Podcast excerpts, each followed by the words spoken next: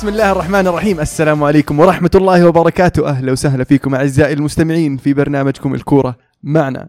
الكورة معنا عبارة عن برنامج صوتي كروي أسبوعي نسولف فيه عن أحداث كرة القدم العالمية والمحلية. معنا اليوم في الحلقة 67 عمر؟ هلا والله. أهلا وسهلا. كيف الحال؟ تمام. عبد الله هلا والله بالشباب يلا حيهم أهلا فيك. وعزيز؟ يا هلا وسهلا. أهلا وسهلا فيك. لا تنسون محددكم المهند. كيف الحال عبد الله؟ والله طيب أبشرك كيف أمورك؟ والله الحمد لله والله مركز. interesting الصراحة إنك تسألني كيف حالي الأسبوع هذا لأن لا لما قلت لك طيب مو بطيب ترى. لا من بس فايزين خمسة الأسبوع ده يعني خمسة مسكين ساوثهامبتون يعني آه، أول مرة ينصقعون خمسة في ال FA Cup تدري من متى؟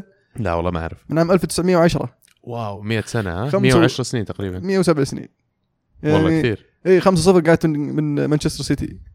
والله مانشستر سيتي والله هذاك اللي كان يقول تاريخي مانشستر سيتي وجارديولا عبث بتاريخهم ما جابها غلط. آه لكن يا أخي قاعد ألاحظ شيء. آه هالأيام أنا فاهم مثلا إن أرسنال له فترة طويلة ما حقق بطولة دوري ما حقق Champions League في تاريخه مثلا. وفي أشياء كثير خلينا نقول قصور عن آه أندية أخرى من اللي يحاول يتنافس معها الارسنال حاليا. لكن يا أخي دائما خلي عندك open mind الواحد يشجع الفريق اللي يحبه. مو لازم إن كل أحد يشجع فريق يفوز يفوز ببطولات. كان كلنا شجعنا يمكن ثلاث ولا أربع فرق وما شجعنا غيرها ترى. فحلو وجود الاختلاف حلو وجود كمان اختلاف وجهات النظر لكن حتى في ظل اختلاف وجهات النظر هذا واختلاف الفرق اللي تشجعها لا تخلي التركيز أكثر إني مثلا أقهر فلان ولا أرفع ضغط فلان. لا الموضوع ترى ما يستاهل. كلام جميل صراحة. حلو إنك تحاول تلعب في أعصاب فلان. بس أهم شيء فلان يعرف انه لا يصير خفيف وترتفع يرتفع ضغطه بسرعة يعني. ودائما ف- الموضوع ما يتحدى ما يتعدى المزح يعني اي ودائما يعني. دائما أكثر واحد يط- يتطقطق عليه هو الشخص اللي يرتفع ضغطه بسرعة فيعني أنا أحذركم يا من من منصة الكره مو منصة إيش اسمها منبر الكره معنا انه إذا أنت خفيف ويطقطقون عليك كثير فأعرف إنك خفيف على قولة هذاك آه، شو اسمه؟ it's just banter بالضبط شكرا على الفضفضه يا عبد الله. شكرا انكم سمعتوا لي. والله يا أخي لأن بعض الأحيان تدخل في نقاشات عقيمة مع ناس زي ما قال المهند يحاولون أصلا يستفزونك ويرفعون ضغطك. ولو أنت حكمت بنفسك وما أبديت هذا الشيء لكن مرات يزعجك الموضوع هذا شوي.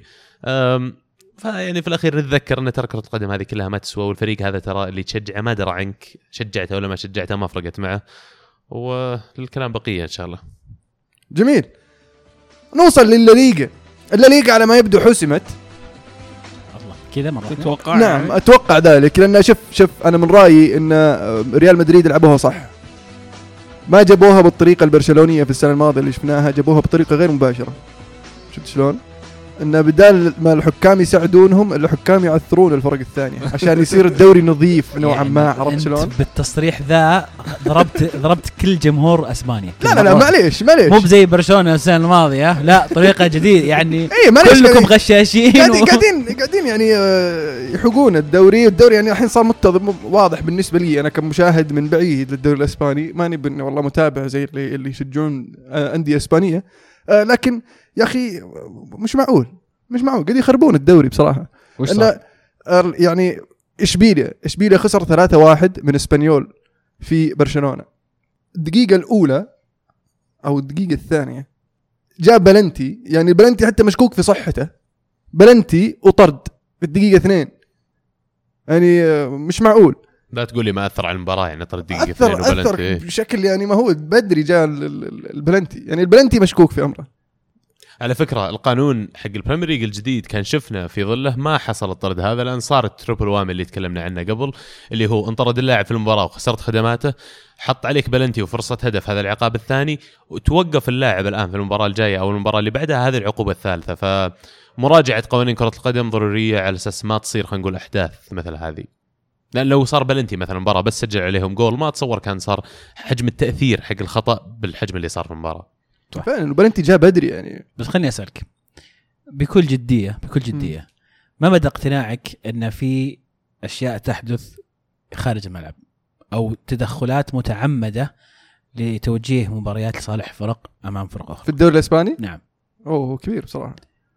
كبير. من اللي شفته يعني يوصل 80% أوه. أنت يعني هذا نسبة تأكدك. من اللي شفته يعني. إيه. إيه تحس بس ما عندي ما عندي ما عندي. ما عندي دليل دليل قاطع والله. إيه. جبت آه، صورة من مراتي آه، مصورها في المكتب حقه عشان ينشبها في الفريق الفلاني. آه. عرفت شلون؟ ما عندي هذه الأدلة لكن آه، أتوقع الكتاب واضح من ودي أشغل أغنية رايفلز الحين. بس فعلا يا أخي اشبيليا أدوا أداء كويس مع إنه مطرود منهم واحد. لكن ما ما قدروا يكملون يعني كم ث- 88 دقيقة. أو يلعبون ضد 11 لاعب.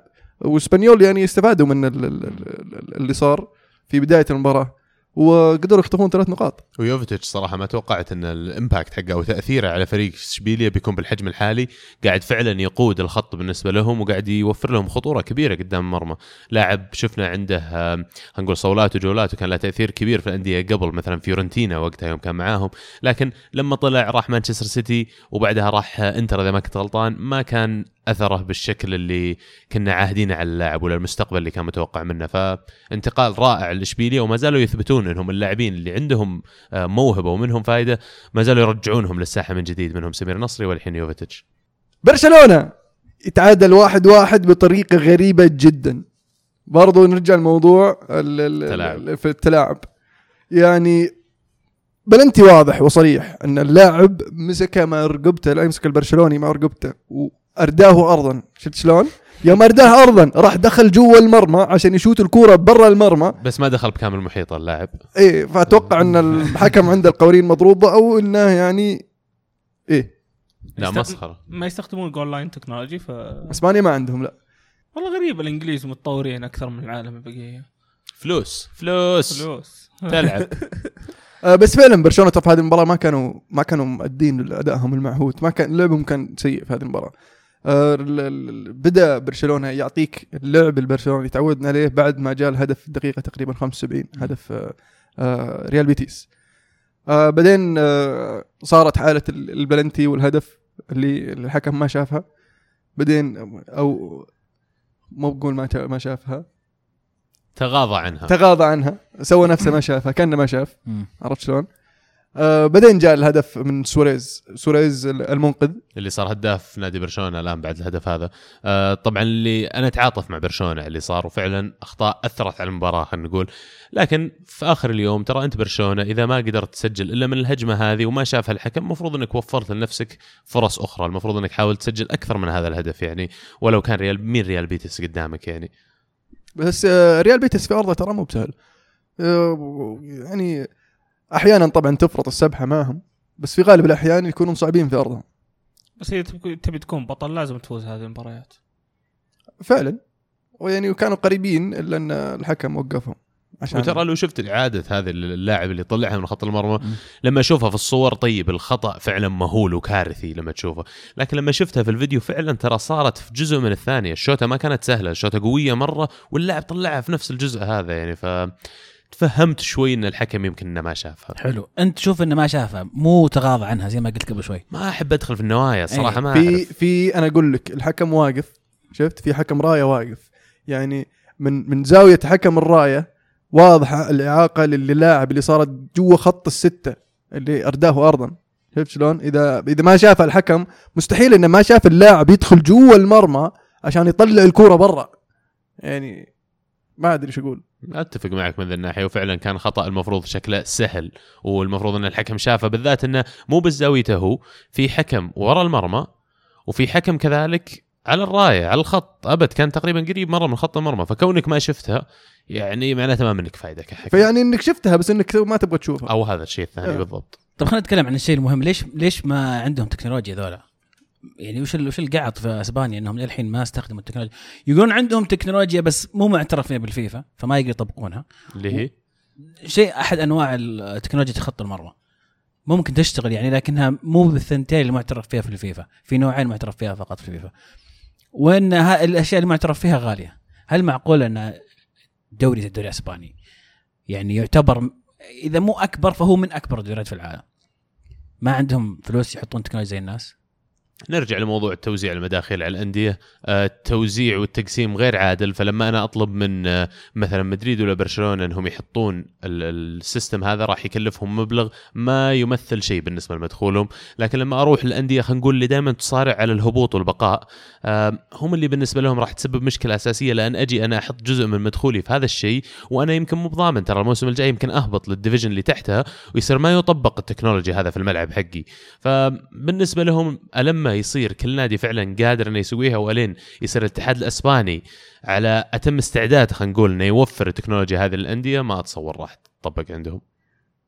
لكن قريبا راح تبدأ تطبق اللي هو توزيع الأرباح ال- بالت... خلينا نقول بال آه، بطريقة ط- أعدل. إيه طريقة عادلة خلينا نقول.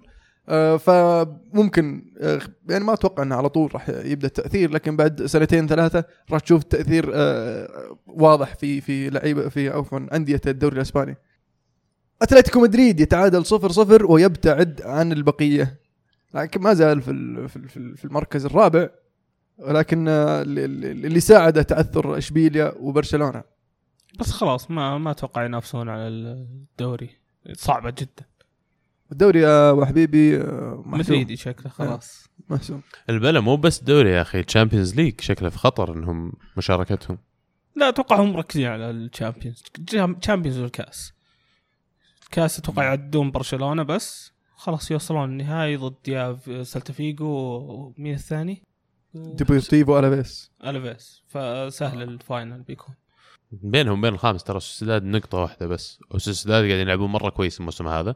آه إذا نادي مثل إشبيليا قادر إنه يشطح ويلقى نفسه في ال top 2 ولا top 3 آم ليش لا؟ آه سوسيداد يسوي المفاجأة ويصير هو رابع ال- الأندية المتأهلة لل Champions League وبرضه فيا ريال قرب الحين صار في السادس 4 34 اللي ساعد برضه اتلتي ان آه، ريال سوسيداد خسر من ريال مدريد 3-0 في البرنابيو. المباراة اللي شهدت عودة آه، رونالدو للتهديف صنع هدف وسجل هدف. اللي كانوا يتسالون وين رونالدو أتوقع إنه وصل ولا؟ الحمد لله على سلامته. طول شوي. أيوه يستاهل يحق له. أنا خل عنك الكلام بس مراتا إلى متى ومراتا ضحية بنزيما؟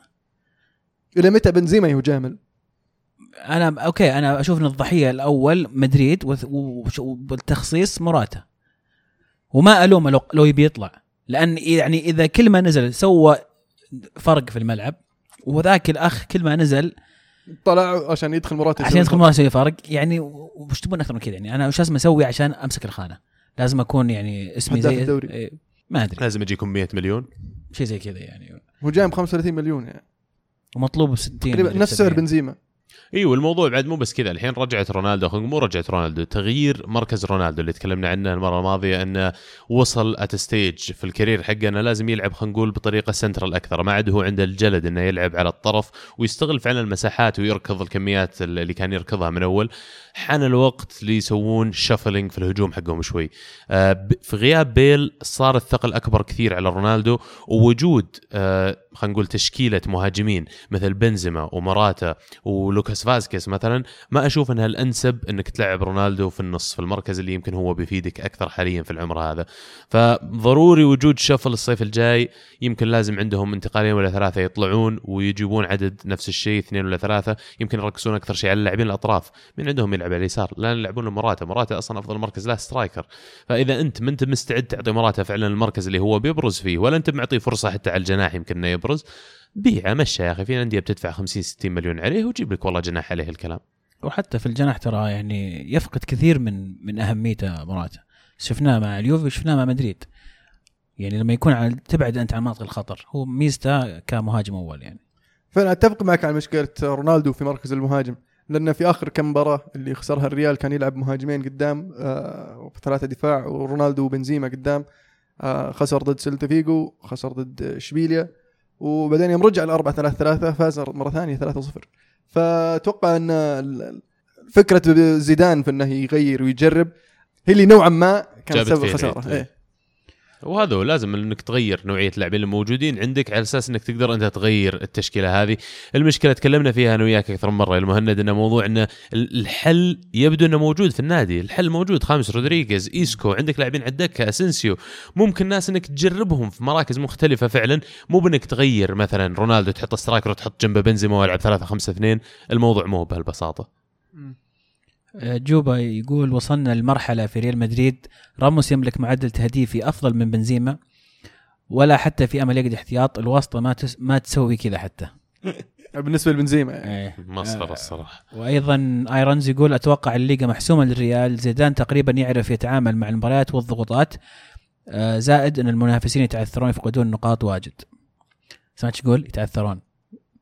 يتعثرون مو مو بأحد يعثرهم هم قاعدين يتعثرون هم قاعد لا شوف إيه. شوف يعني لو إنه ما صار غلطين تحكيميين بجيحين يعني في مباراة مباراتين للفريقين اللي ينافسون ريال مدريد كان اتفقت معاك في هذه النقطة في نفس الجولة. حق نفس برشلونه اليوم شوف. كلام اللي يعني شوف حق برشلونة أنا أتفق معك يعني شيء غريب جدا يعني مسخرة القرار القرارين ورا بعض ذولي لا هي بلنتي ولا بهدف يعني هذه كل القرارين يعني كانوا شيء مرة مرة وحق اشبيليا الحكم إشبيليا- جاي يركض من بعيد ناوي الأحمر كنا أصلا قايلين له أول حالة عط أحمر. حق اشبيليا أنا أتفق إنها يعني فيها ظلم لكن ما أشوف إنها ببجاحة القرار اللي مباراة برشلونة. شوف إنه يعني أوكي ممكن تمشي. يعني انفرادة انفرادة. و... شفتها أنت؟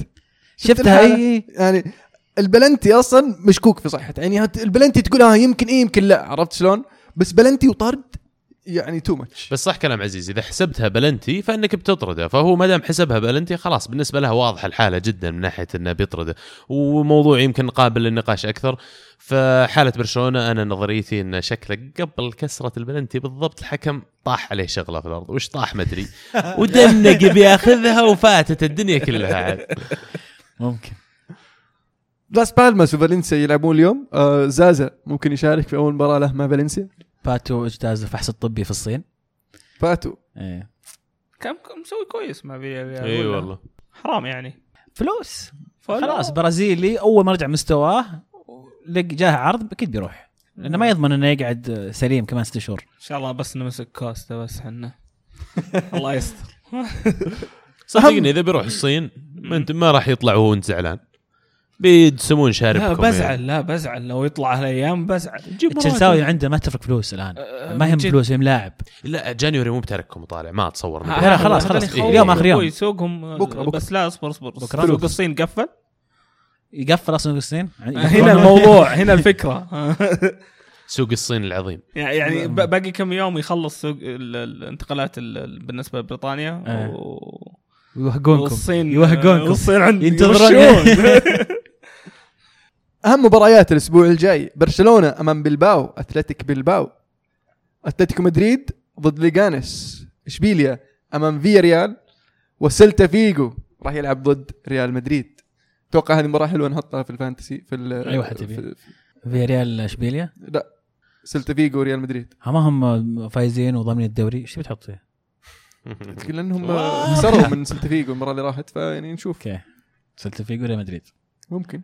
بشوف نحاول. نعطيها فرصة. في الكوبا ديل ري ديبورتيفو ألافيس تعادل 0-0 مع الكوركون وإيبار تعادل 2-2 مع أتلتيكو مدريد.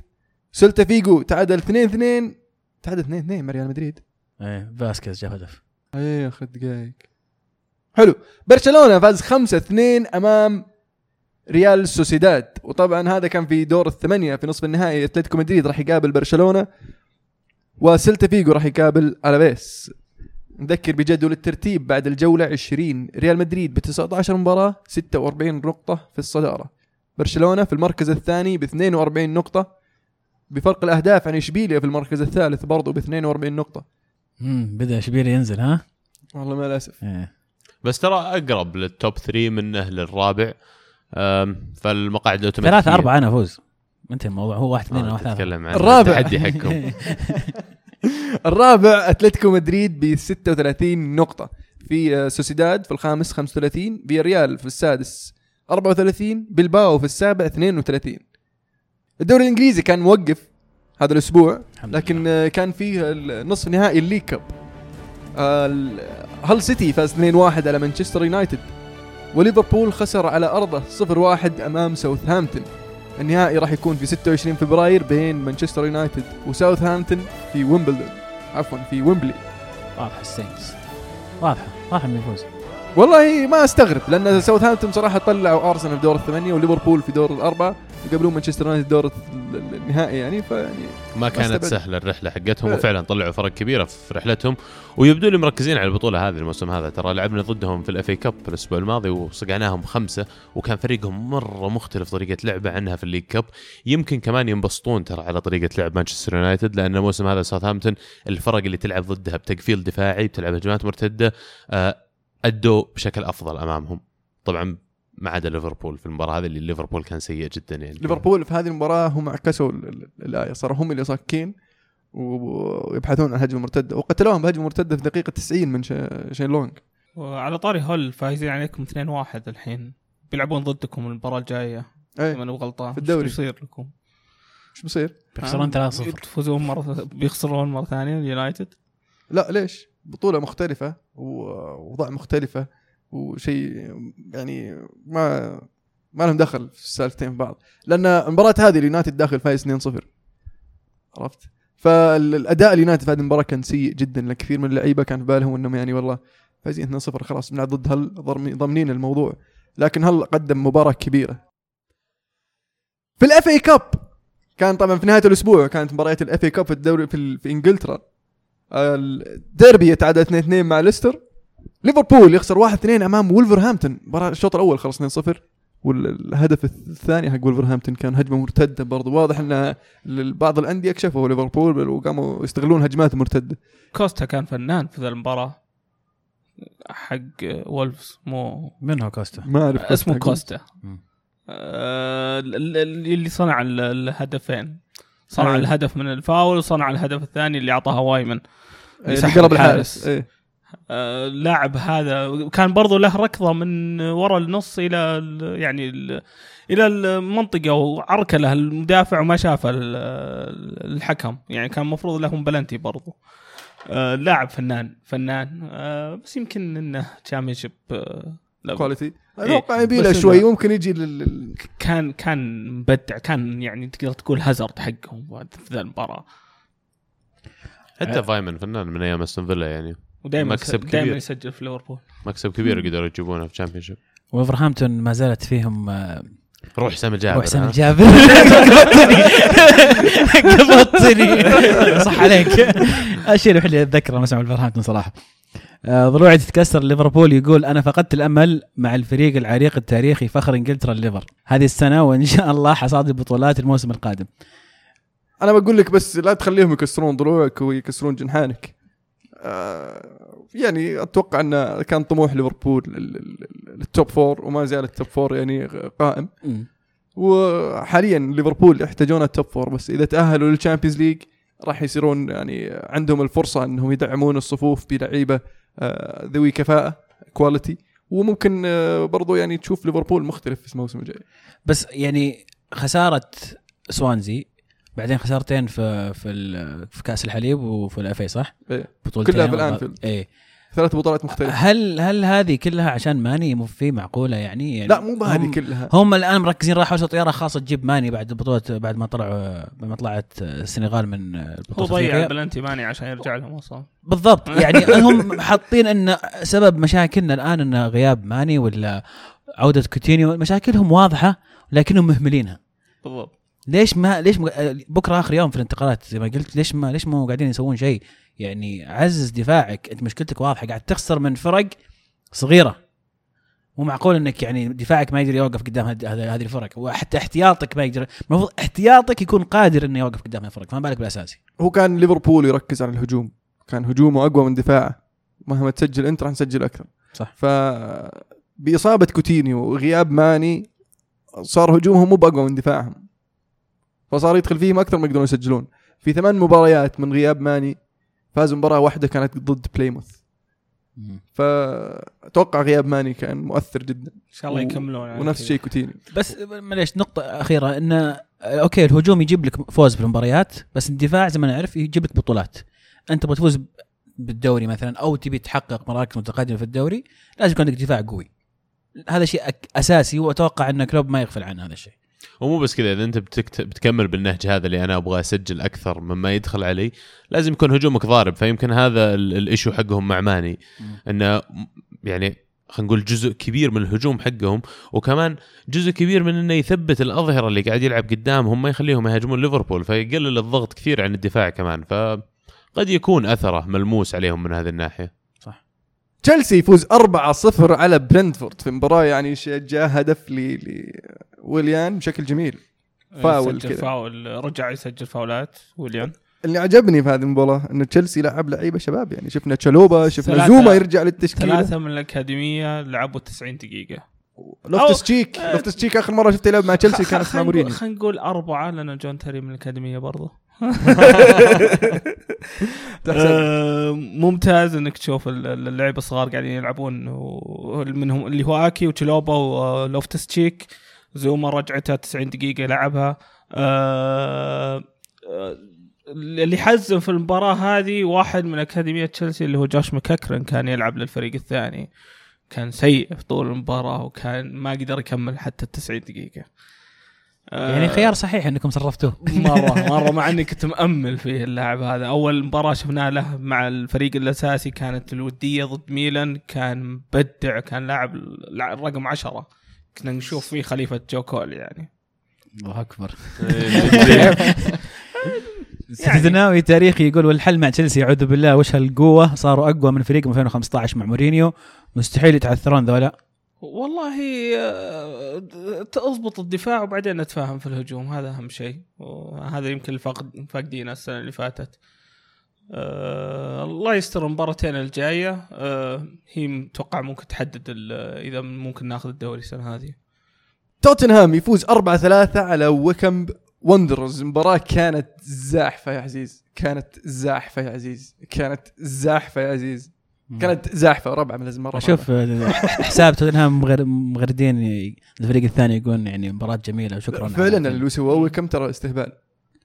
فريق فريق يعني آه، أتوقع في الدرجة الثالثة. كان غلطان؟ آه، League 1 أتوقع صح؟ League 1 أو 2 الرابع يعني. وش صار طيب؟ ليش زاحفه؟ لأنهم كانوا متقدمين ثلاثة. ثلاثة واحد كانت.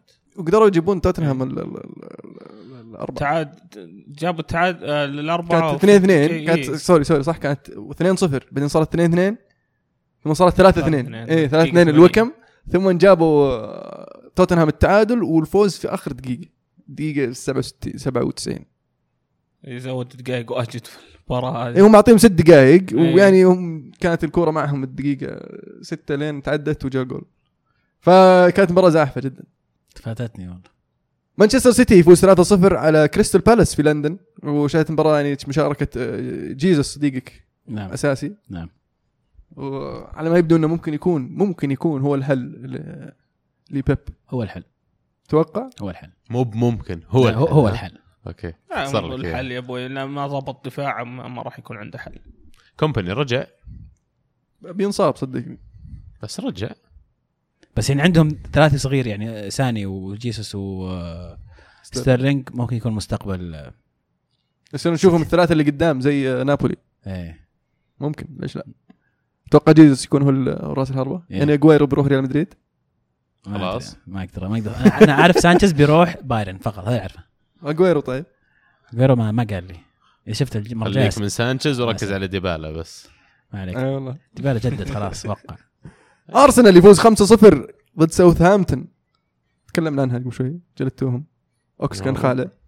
أوكس كان مرة خالع لعب في مركز المحور. كذا مرة لعب من قبل في المركز هذا ثالث مباراة يلعبها خلينا نقول إلى حد ما كبيرة قبل لعب ضد بي اس جي وظاهر بايرن ميونخ في مباراتين. كلها كان لاعب في نفس المركز اللي هو ال central midfielder ولا المحور وأدى أداء رائع في هذه المباراة بالذات. يمكن أفضل مباراة له بقميص ارسنال من أول ما جاء. صنع هدفين أو ثلاثة يمكن. إي وكلها جميلة كلها الباسات حقتها إستهبال. ومو بس كذا أنا اتكلم حتى في التدخل في اللعب بشكل عام توجيه اللعب توجيه الكورة. كان كأنه natural بالنسبة له المركز. لما تشوفه يلعب فيه أتفهم ليش ينجح فيه لأنه هو سريع بس مو خلينا نقول بسرعة والكوت إنه يلعب على الطرف. مهاري بس ما هو بمهاري قد مثلا أليكس سانشيز إنه كمان يلعب على الطرف يسوي مشاكل من هناك. فعنده قوة جسمانية بعد بس ما هو مرة طويل. وجود واحد جنبه مثل كوكلن ويمكن حتى تشاكا إذا رجع وهو يلعب معاهم كالشخص اللي يوزع الكرة باستمرار ممكن خلينا نقول ينقل اللاعب نقلة نوعية. اللي أهم من هذا بعد رجعت ويلبك للتسجيل ورجع ولعب قدم مباراة مرة حلوة. اللاعب هذا للآن يعني ما حصل له خلينا نقول موسم كامل يقدر إنه يضرب ال form ويقعد بدون إصابة وكنا متكلمين فيها المهم تقول هذا آخر project لارسن فينجر يمكن. داني ويلبك. أنا ال- ال- ال- اللي بدأ المشروع كان سير أليكس والحين مهمة فينجر إنه يخلص المشروع ويطلع منه لاعب. يعني وشوف بيجدد إنه- يعني فينجر عشان يخلص المشروع؟ والله يقدر يخلص المشروع مع نهاية الموسم يعني. إذا قدر يخليه يلعب أتوقع ممكن يفيدكم. وعلى طاريها طالع كلام كثير على اننا في مفاوضات متقدمة مع ماسيميليانو أليجري. ما أدري بسال عزيز ما سمعت شيء والله. ما سمعته من عندك سمعت. كلام جرايد بس يعني مو نفس الشيء كلام لا لا. مو يعني المصادر موثوقه لا سواليف يعني. يعني مثلا أنا أثق في سكاي أثق في مثلا صحفيين معينين ما حد جاب طاري. بس كلنا يدري إنه قاعد يتعلم إنجليزي. هذا شيء أكيد.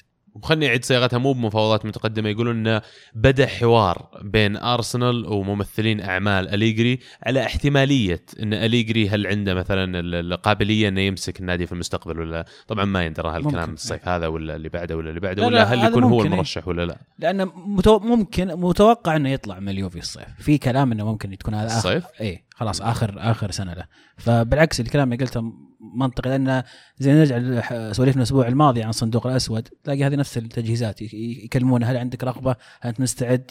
هل يهمك الموضوع؟ فيحطونك خيار بالضبط. أكيد آه، نرجع لتشامبرلين بس بسألك سؤال آه، ما تحس العم... اللاعب كم عمره 24 25 24 إيه. لاعب كم خمس مراكز عندكم في أرسنال كل شوي. يتغير مركزه ما تحس إن لاعب بعثر ما يدري وين مكان مكانه فيه أحسه ضايع مرة ضايع حلو. اللاعب هذا. يعني يلعب لك مباراة يبدع فيها المباراتين ما راح يبدع فيها لأنه ما يدري وش المركز اللي بيلعب فيه المباراه الجاية.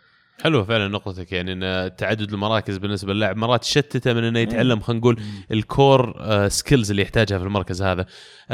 لكن إلى حد ما طريقة لعبنا ما هي ترى بعيدة لما تلعب أنت في مركز الوسط ولا الطرف.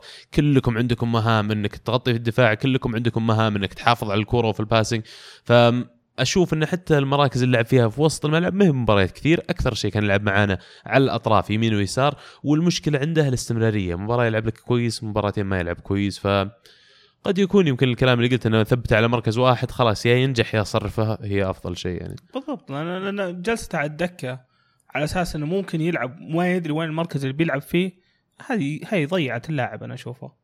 جنون أرسنال يقول أتوقع فوزنا اليوم هي الخطوة إلى الأمام لنتوج بال Premier League ورأيكم في عودة والكوت يستطيع أرسنال الفوز بالدوري هالسنة؟ أول شيء منافسه على الدوري ما انتهت يعني لسه باقي لين ما تنحسم رياضيا ما تنتهي المنافسة على الدوري بس هو يقول فوزنا اليوم خطوة إلى الأمام لنتوج بال Premier League يعني هل يقصد إنه الفوز في الكاس يعطي دفعة معنوية في ال Premier League؟ هذا هذا المقصد؟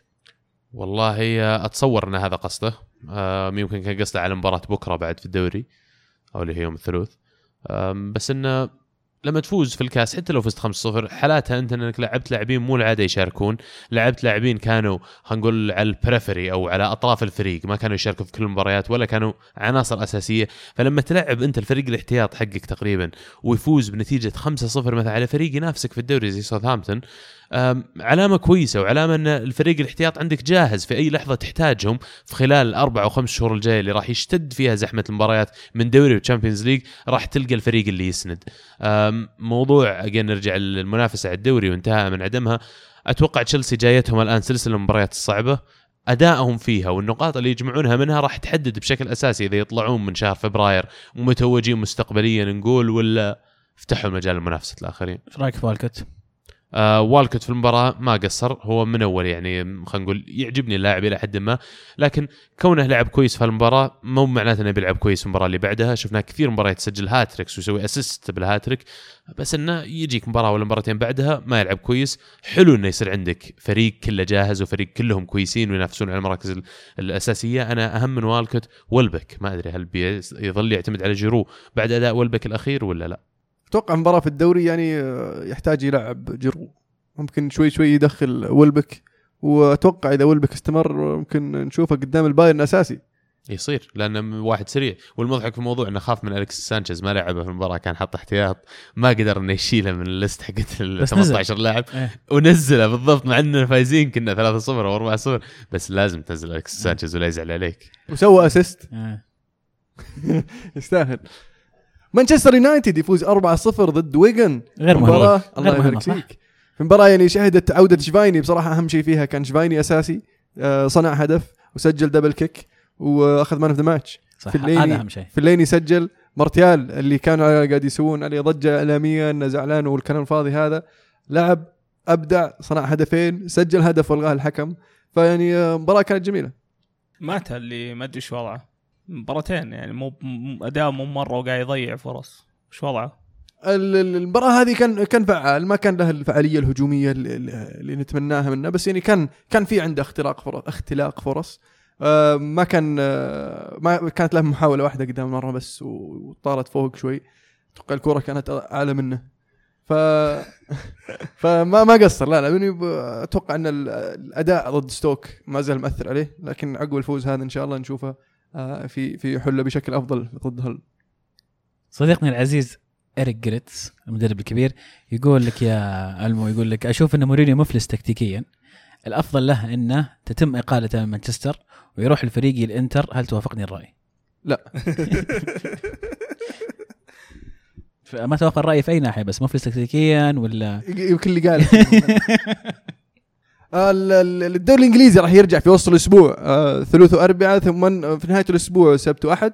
أهم مباريات وسط الأسبوع أرسنال واتفورد ساندرلاند توتنهام ليفربول تشيلسي ويست هام مانشستر سيتي مانشستر يونايتد وهل. ونهاية الأسبوع راح يكون تشيلسي أرسنال. هل سيتي ليفربول توتنهام ميدلزبرو مانشستر سيتي سوانزي وليستر سيتي مانشستر يونايتد. أتوقع؟ أسبوع مصيري تشيلسي إيه هذا هو. مصيري في في, في تحديد هوية بطل الدوري أصلا. مصيري مصيري الدوري الانجليزي للدوري. كله بالضبط. بالضبط. يا ينفتح إيه. الدوري من جديد يا ينتهي الدوري. السيريا آ. هلا. انتر ميلان يفوز 3-0 على بسكارا إيش قاعد يصير في الانتر؟ مو بهلا أصبر. أتوقع أتوقع انه يعني بيولي آه، نقدر نقول آه، مو بيستمر معهم الموسم الجاي. المفروض منطقيا يعني. إيه لأن واضح إنه يعني إيه. قاعد يمشي في طريق ال Champions League. واشوف انه حاليا أقرب من اي سي ميلان وممكن يلحق روما لأن يعني أتوقع نابولي يصير الثاني. لا، ما أدري. كلهم قاعدين يجيبون عيد. يعني شوف الأسبوع هذا ترى في الدوري الإيطالي آه، من ال top تسعة الأوائل اثنين فازوا. انتر ويوفي. انتر يوفي بس. من ف- ال top تسعة. اي إيه. تسعة. واو. العاشر فاز كييفو إذا تبي نحط كييفو نحط نحسب كييفو عشرة. ف في شخبيط قاعد تصير في الدوري الإيطالي حاليا. المستفيد الأكبر الجوله هذه كان اليوفي وبعدها على طول الانتر طبعا. آه الانتر فوز السابع على التوالي في الدوري الإيطالي.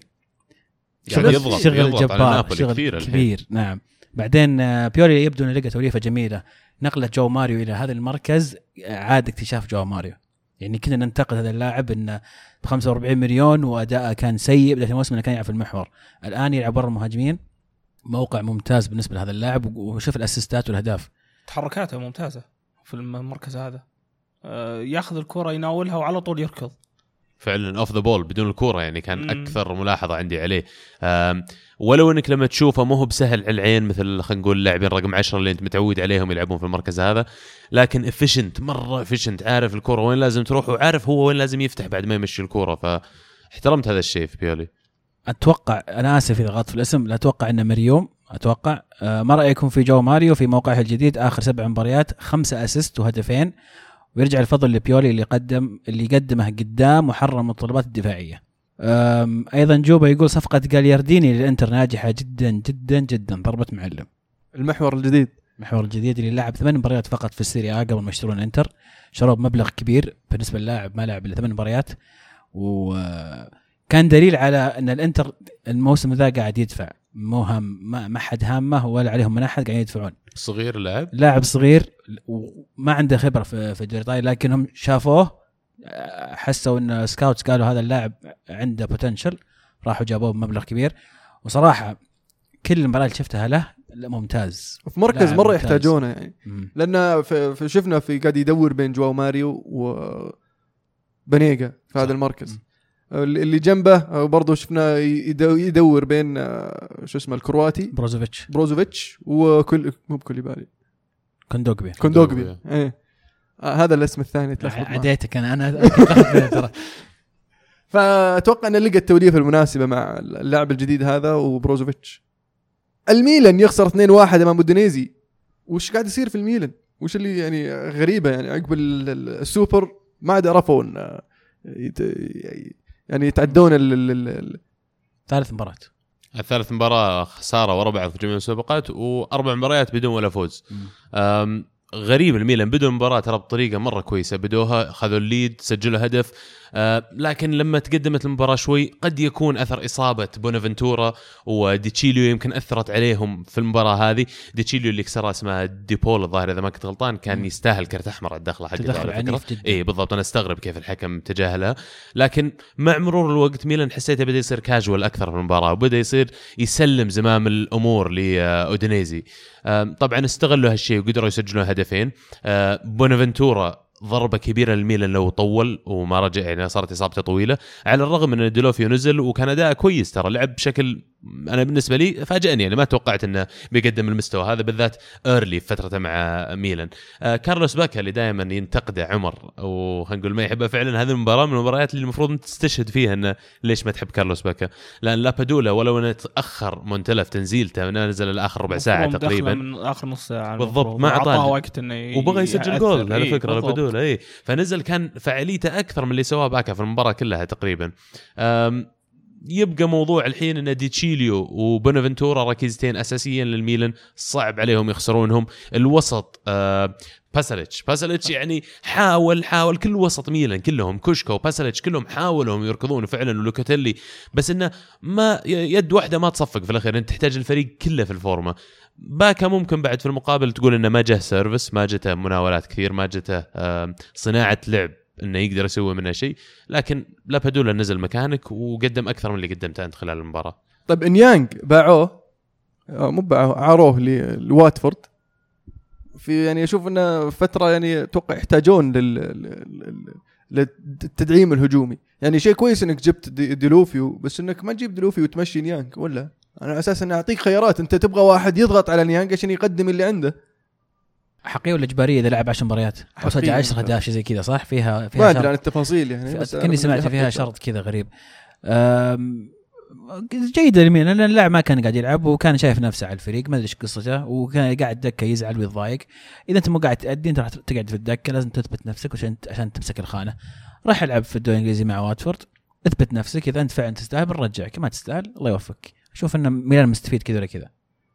بس كان قاعد يفيدهم اللاعب يعني. وكانت يعني أنا بداية أشوف إن- أنا الموسم أشوف إنه كان لاعب. فعال. أنا أشوف إنه نزل مستواه لدرجة إنه ما عاد صار يضرهم أكثر ما يفيدهم. لعب بونافنتورا على الجهة ذيك وريح بالك. ومو بس كذا بداية الموسم كان يلعب في مكان striker في غياب باكا لكن الآن يعني في بروز لابادولا كمان غير باكا يعني ما عاد لك مكان. يعني يانج حتى على الجناح بونافنتورا وديلوفيو وسوسو وسوسا كلهم أقرب منهم يلعبون منك. طيب عندنا سؤالين آه، في نفس الموضوع طبعا ميلان. ايرونز يقول برأيكم ما أسباب مستوى ميلان السيء؟ وأيضا آه، طلال يقول شلونكم شباب؟ تتوقعون ما هو السبب في تدهور أداء الميلان في الفترة الأخيرة؟ إرهاق ضغوطات تخطيط سيء تكتيك خاطئ. يعني احتفلوا بزيادة بعد السوبر وما إلى الآن ما أبغى أنقل لكم شيء. شفته في, في تويتر من ميلانية. في كثير يقولون انه ال... هذا أداء اللاعبين الحقيقي وإن اللي كان يصير أول ونتائجهم قبل كان الفريق يعني كانوا يقدمون فوق مستواهم. They were over achieving زي ما يقولون. فالآن لما رجعوا كلهم إلى مستواهم الحقيقي رجع ميلان طبيعي. في كثير يلومون لوكاتيلي على أغلاطه. في كثير بدوا يهاجمون دون روما أنا مستغرب إنك تهاجم واحد عمره 17 سنة.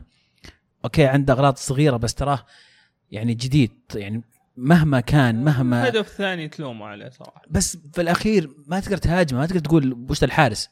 طبعا ما عنده الخبرة يعني. عادة إحنا نتوقع من الحراس يكون أعمارهم حوالي 30 يعني يكونون هم في قمة مستواهم. بالضبط, هذا بالضبط. لسه صغير مره فهل فعلا ال- الفريق هذا هو مستواه؟ وإنه كان اللي كان يسوي بداية الموسم كان مثلا حماس وإن كل واحد كان شاد حيله والحين صار وضعهم الطبيعي كذا ولا الآن نزول مستوى؟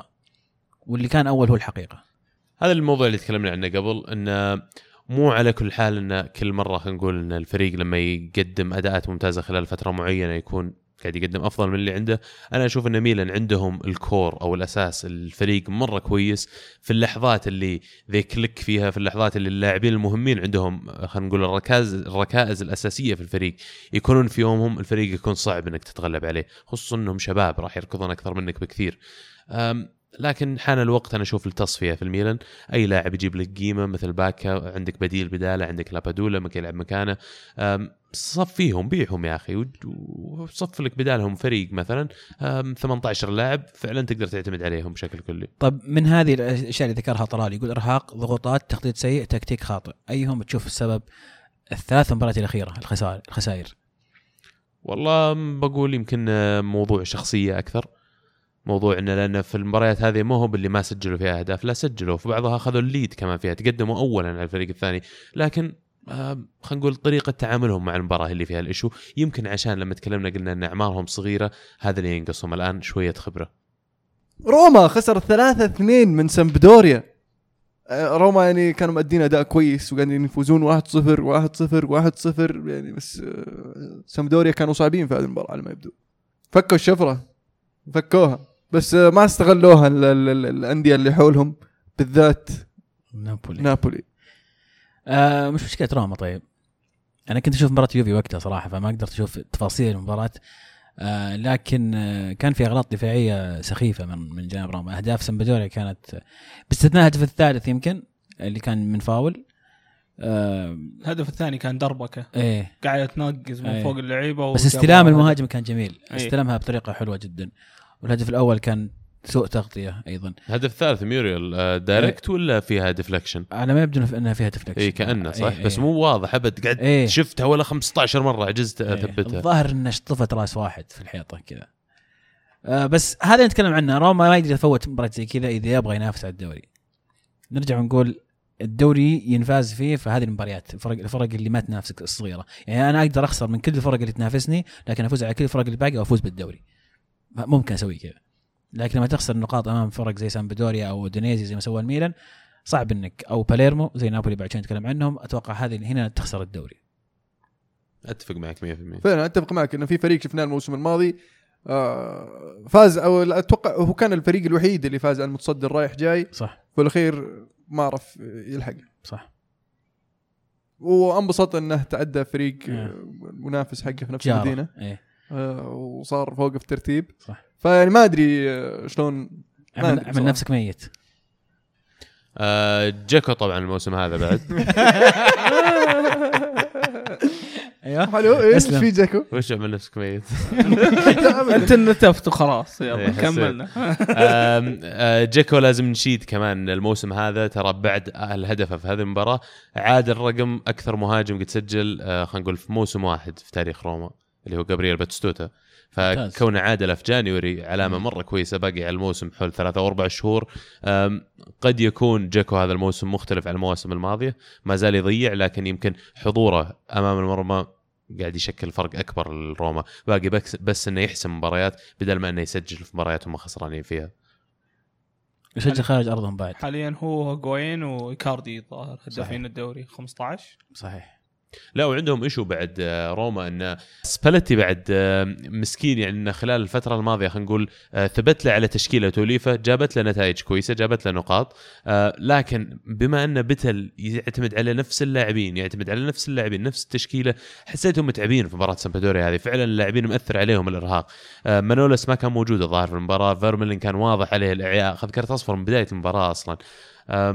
فضروري سباليتي كمان يرجع الموضوع المداورة بين اللاعبين. يعني أنا ما أتكلم إنك تنزل كل مباراة بتشكيلة مختلفة لكن عندك كم لاعب تعرف إنهم عرضة للتعب أكثر من غيرهم. آه مثال مرة ثانية اللي هو فيرمن أنا أتذكره من أيام مع أرسنال. كانوا يقولون عنده وتر زايد في ال في مفصل القدم في الكاحل. طبعا الوتر الزايد هذا موجود في 25% من سكان الأرض. فطبيعي يعني يصير موجود فيه لكن يخليك عرضة أكبر للإصابة. لأنه موجود عندك هذا الوتر اللي ممكن يتعرض لإصابة في أي وقت. فضروري إنك تعرف لاعبينك كويس فعلا تتعرف عليهم بشكل أكبر على أساس تعرف مين اللي لازم تريحه ومتى تريحه. طب ورا ما يقطع الوتر الزايد ده؟ لأنه خلقه موجود. طيب ما هو هو زايد يعني. زايد قصة وقطة وزبالة. إيه ممكن يرجع طبيعي إذا قصة. والدورة الدموية اسحب عليها بس أربط الوتر وخلاص. إيه. انتهى الموضوع. المختصر الطب. خمس ثواني. مرة سهلة عارف؟ ما يبي لها شيء. أحد فكر. سبير يعلقون سبير إذا صار عنده مشكلة ركبوه بدل انقطع المقطوع واحد. ثاني ربطوه مكانه. عود مو برجل. اليوفي فاز 2-0 على ساسولو في ملعبهم في ملعب ساسولو. ومباراة يعني آه، شفنا هيغوايين يسجل للمرة السابعة على التوالي. ولا؟ السابعة. آه، شيء زي كذا آه. كثير. يقول لك عاد رقم تريزيجيه عام 2005 المصري. لا طبعا مو المصري الأصلي. التسجيل الأصلي. اللي هو؟ اللي هو تسجيل خمس مباريات أو سبع مباريات متتالية في الدوري. جميل. في الدوري. جميل جميل. فأرجنتيني فرنسي أرجنتيني فرنسي كله. حتى هو أرجنتيني فرنسي؟ نعم جبت نعم فطبعا اليوف نزل نفس التشكيله الجديدة اللي أنا مره مرة عجبتني التشكيلة صراحة. اللي ممكن تشوفه في الشامبيونز. المم... شكلها الله شوف هو أمس أليجري قال إن نفس الكلام اللي نقوله إحنا في بودكاست إن التشكيلة على الورق شيء وما يحدث في الملعب شيء آخر. مو بشرط إن إذا صفوا 4 2 3 1 معناته ان فيها أظهرة. ممكن يكون الظهير يدخلون على قلب الدفاع وممكن 3 5 2 لكن يتحول إلى ظهير وهكذا. مركز مانزوكيتش جديد يعني أنا شوف ما ودي أبالغ لكن لو مسويها مدرب ثاني من اللي يحبونه له, له شعبية مثل اللي يدربون في إنجلترا بدون ذكر أسماء كان العبقري. اخترع شيء جديد في. كرة القدم حدث الكرة أحسن مدرب في العالم. إيه في تاريخ الكره في تاريخ الكرة نعم. أحسن مدرب تاريخي. يعني اللي يتابع مباراة يوفنتوس ويشوف اللي يسويه مانزوكيتش. ما يصدق إن هذا target man كان راس حربه الكعب يا رجال الحالة عدته ولا 43 مرة يا رجال وكل مرة يعني روعة فعلا إنك ملكة المخ أو ال- الفكر إنك تحضن على الكرة بالطريقة هذه وعارف اللاعب بالضبط وين بيلعب يفتح ولعبتها له بال weight المناسب يعني هو اللي صنع الجول بالنسبة لي. صحيح صحيح. فمجهودات مانزوكيتش زي ما قال عبد الله موجودة واضحة في الهجوم طبعا مع إنه قاعد يلعب تقريبا على على اليسار يعني على الطرف وأيضا تغطيته في الدفاع. شيء عجيب إنك تشوفه صاف هو جنب الظهير اليسار أو أو أحيانا يعني يغطي مع الظهير اليسار. آه فتشكيلة أنا مرة عجبتني مرة حلوة لك وعندنا ماركيزو لسه بيرجع من إصابة. آه قاعد يحاول أيضا يضم بياتزا إلى الفريق شوي شوي. ف يعني راح تكون متحمس أشوفهم في ال Champions League. هل فعلا ممكن يلعب بهالطريقة؟ زي ما قلت أليجري إيش قال؟ قال ان لكل مباراة ظروفها سألوه هل بتلعب زي كذا في ال Champions League؟ قال طبعا لكل مباراه ظروفها. فأنا خايف إنه يتراجع عن الفكرة هذه لكن اللي متأكد منه أو اللي شبه متأكد منه ي- الأربع الدفاع هذا ما راح يغيرهم خلاص. موضوع ثلاث دفاع أتوقع ببطله هيغوين بعد اللي دائما نشب عليه لأن خلينا نقول انتقل ب 90 مليون ولا مبلغ كبير جدا. خلينا نقول المباراة هذه آه، هيغوين مرة عجبني يا أخي موضوع ضغط على اللاعبين ضغط على الدفاع يا أخي. ما هو بالعادة تشوف خلينا نقول سوبر ستار الفريق اللاعب اللي جبته مبلغ وقدره يكون عنده ال- الذمة خلينا نقول ولا work ethic إنه يشتغل في الملعب بالطريقة هذه. كيف ضغط على المدافعين كيف ال passes حقته كلها تقريبا كانت صح. ال crosses ما كأنه striker كأنه لاعب جناح قاعد يلعب. آه عارف بالضبط إيش تسوى بالكورة إنه يكمل بالطريقة هذه. مهم جدا اليوفي وممكن هو اللي يعطيهم فعلا النقلة النوعية في ال Champions League. لأنه ما عاد هو خلينا نقول المهاجم اللي بس جوا ال box أنا اللاعب اللي ممكن أطلع لك في أي وقت في أي مكان. ويجسد الثقافة هذه اللي قاعد تشوفها زي ما قلت في اليوفي إنك تشوف مانزوكيتش جناح ولا ظهير وإنك تشوف هيغوين قاعد يعكس الكورة لديبالا بدل ما يصير العكس. فشيء عجبني كثير يعني. في نقطة ترى هيغوايين كنت لا- لا- ألاحظه مع المنتخب ومع نابولي من زمان. دائما دائما ما يستغل الحركة هذه. يضغط على المدافع ويخطف الكورة. شفناها في الكوبا سجل هدف بنفس الطريقة هذه. آه، ياما سواها مع نابولي. فلاعب يمتاز بهذه مو بس إنه يضغط قراءة المدافع عنده ممتازة. يقدر دائما يخطف الكورة. سواها معنا السنة هذه ظهر مرتين سجل كلها أهداف. نابولي يتعادل واحد واحد أمام باليرمو في واحد. مباراة يعني كان نابولي قريب جدا من إنه يجيب التعادل من بدري. هدف. هدف هدف جاء بدري يعني هدف دقيقة ستة حق باليرمو وكان نابولي قريب جدا من الفرص اللي جتها لكن الحارس كان سد منيع إلى آخر دقيقة في المباراة. جاب العيد. في مثل في مثل يعني آه، ولا ما نقوله؟ قلها طقع في آخر ركعة. الحارس كان رائع في المباراة كان نجم المباراة بصراحة كان نجم. كان منقذ باليرمو طبعا باليرمو مركز ال 19 عندهم 10 نقاط ووضعهم سيء. تقريبا مدرب جديد مدرب الرابع الموسم ذا فتقريبا ضمنوا أصلا إنه يهبطون. جابوا هدف وحارسهم عمره 20 سنة كرواتي وبدأ يخلعها. قام يصد كور ويسوي سوبرمان وسوى أشياء خرافية. بعدين جت شوتة نزلها بيمسكها دخلت برجوله دخلت بين يديه وكملت بين رجوله ودخلت المرمى هاي تنحط في ال compilations حقت ال fails هذه. يا الله يا أخي. لكن آه، ما أدري هل يعني نجومية الحارس هي سبب إن نابولي ما استطاعوا يفوزون في سان باولو؟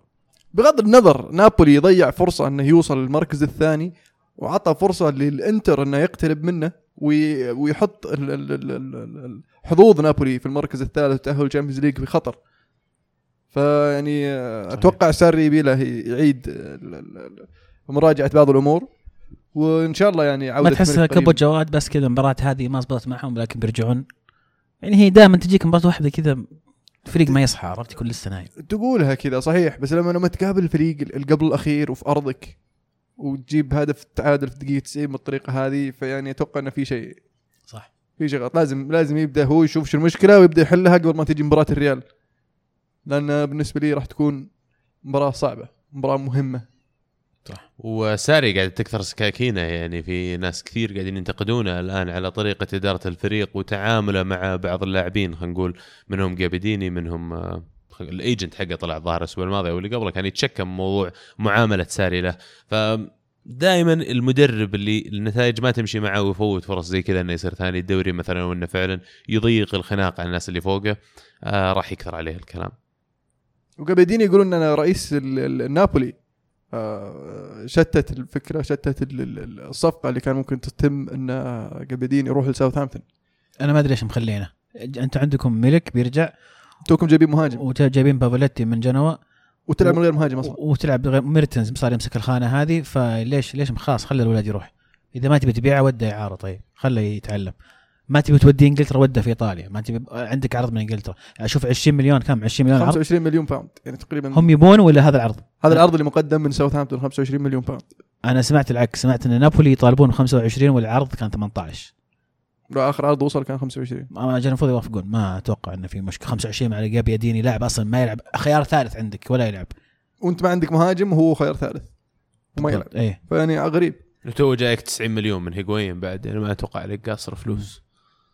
أهم مباريات الأسبوع القادم. بولونيا أمام نابولي إي سي ميلان ضد سامبدوريا. يوفنتوس وإنتر في ديربي دا إيطاليا. أوه. نعم. ها؟ ها؟ شوف يا إحنا بنوقف السبع انتصارات حقتهم المتتالية هذه الستريك حقهم.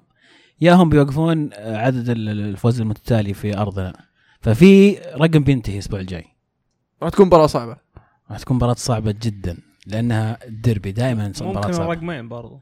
ممكن الرقم. التعادل ما يخسر رقمهم. رقم اليوفي يصير مزبوط لسه. لا رقم اليوفي فوز متتالي. آه فوز اي okay. فالتعادل يخرب الرقمين. أيضا في سؤال من مريوم يقول أو تقول ما رأيكم في قمة القمم ديربي إيطاليا؟ هذه المباراة من سنين ما صارت كذا. ما تتوقع من يفوز من ثلاث فريقين؟ إنتر فايز تسعة على التوالي. طبعا تسعة في جميع البطولات سبعة في الدوري. آه فعلا المباراة أتوقع من فترة ما ما تقابل الفريقين وهم في في أوج عطاهم يعني الانتر فايز في سبع مباريات متتاليه في الدوري واليوفي متصدر. فأتوقع إن الفريقين في في, في الفورمة عالية وراح تكون يعني المفروض إنها تكون مباراة آه، تهديفية يعني 2 1 على الأقل. اللي ما فهم النكتة يروح يشوف الفيديو اللي في يوتيوب ويفهم إيش قاعد يقول المو في الكوبا دي ايطاليا نابولي فاز 1-0 على فيورنتينا ويوفنتوس فاز 2-1 على الميلان. هذه الذهاب صح باقي الإياب؟ لا لا خلاص. خلصت. يعني نهائي نصف نابولي يوفي. نصف النهائي. فالنصف النهائي راح يكون نابولي يوفي. في الجهة الثانية انتر ولاتسيو يلعبون في نصف الأسبوع أتوقع ثلاثاء واربعاء وروما وتشيزينا. فأتوقع نصف النهائي برضه راح يكون مولع انتر روما. على الاغلب نعم. إلا إن فعلها لاتسيو لأن لاتسيو صراحة الموسم هذا يعني كويسين. نذكر بجدول الترتيب بعد الجولة 22 يوفنتوس بالصدارة ب 21 مباراة 51 نقطة. روما في المركز الثاني ب 47 نقطة. نابولي في المركز الثالث ب 45 نقطة. انتر ميلان في المركز الرابع ب 42 نقطة. لاتسيو في المركز الخامس ب 40 أتلانتا في المركز السادس ب 39 وميلان ب 21 مباراة في المركز السابع 37 نقطة. على طاري الكوبا إن كان شفت مباراة آه، ال- اليوفي وميلان في الكاس آه 2-1 يوبي طبعا. باكا جاب هدف يا عمر. كان هدف. هدف مهاجم. كويس. هدف مهاجم. اللي الكورة وهي في الهواء بدون ما يطالع الباب يعرف عرفت يعرف الباب وين وفولي يعني زي قامة تنزل. فهذه ترى ميزة باكا. صح إنه أوكي يمكن كركض وشغل يمكن قليل لكن من ناحية إنه مهاجم يدل الباب في أي لحظة يسجل خطير فهو ممتاز من هذه الناحية. وجوة 18 تكلمنا أول ما جاء الميلان كان عنده الظاهر آه، 50 هدف مع إشبيليا هو كان قبل. 49 منها جوا ال 18 مم. فيدلك زي ما قلت مو هو باللاعب اللي بيعطيك الإضافة النوعية لطريقة لعبك لكن إذا حطيته جوا 18 أمام المرمى نادر ما يضيع. عشان كذا لما أقول لكم لو يرجعون إنزاجي من نفس اعتزاله احسن لهم لأنه جوا المنطقة ما في أحسن من إنزاجي. بالنسبة للميلان يعني ولا؟ اي آه، باكا كان كويس مع إشبيليا لأن اللي حوله كانوا ممتازين. ناس تصنع له صيد العالم وناس ميلان ما عندهم نفس اللعيبة اللي كانوا عند إشبيليا. لعيبتهم يعني ما هو بقد المستوى انهم يصير عندهم مهاجم زي كذا يبي لهم مهاجم يتحرك يحاول يصنع الهجمة من نفسه. باكا مو لابادولا مو- بالضبط لابادولا ممتاز للميلان. يا أخي أندية إسبانية قوية يا أخي. والله لما تراجع الموضوع فعلا لما يجيك نادي زي إشبيليا فياريال آه بلباو. يا أخي غير منطقي كمية ال talent اللي عندهم بالنسبة لحجمهم. فعلا أتوقع اللي مخرب عليهم اللي هو برشلونة وريال إيه مدريد. إيه 100% لو حطوهم لو شالوا برشلونة وريال مدريد أتوقع الدوري الإسباني راح يصير مولع. كل سنة في بطل جديد. لا ومو بس كذا مو شرط إنه بس ضارهم بالعكس ضارهم وفايدهم وجود ريال مدريد وبرشلونة. يعني لأن لما يصير المنافسه على المستوى هذا وأنت خلاص أنت هذه إمكانياتك هذه ال resources اللي عندك غصب عنك تلقى طريقة إنك تتكيف معها لأنك أنت قاعد تنافس معاهم في نفس الدوري. فهذا الشيء يمكن قاعد يفيدهم على المدى الطويل. الآن لو رجعوا سووا التقسيمه العادله اللي تكلمنا عنها أتوقع الدوري الإسباني بينفجر. نوصل للدوري السعودي. القادسية يفجر المفاجأة ويفوز على النصر ثلاثة اثنين في مباراة شهدت أفلام مشاركة آه، السهلاوي حارس. والله فت والله فت. يا عمي أحسن من آه، شو اسمه آه، شيعان. صحيح؟ أحسن بواجد يا عمي صد صدات. والله ما صد هذاك. غريب عشان كويس. طب يعني اللي صار طبعا إن شيعان أصيب بعد ما خلص التغييرات النصر واضطر آه، السهلاوي إنه يحرس.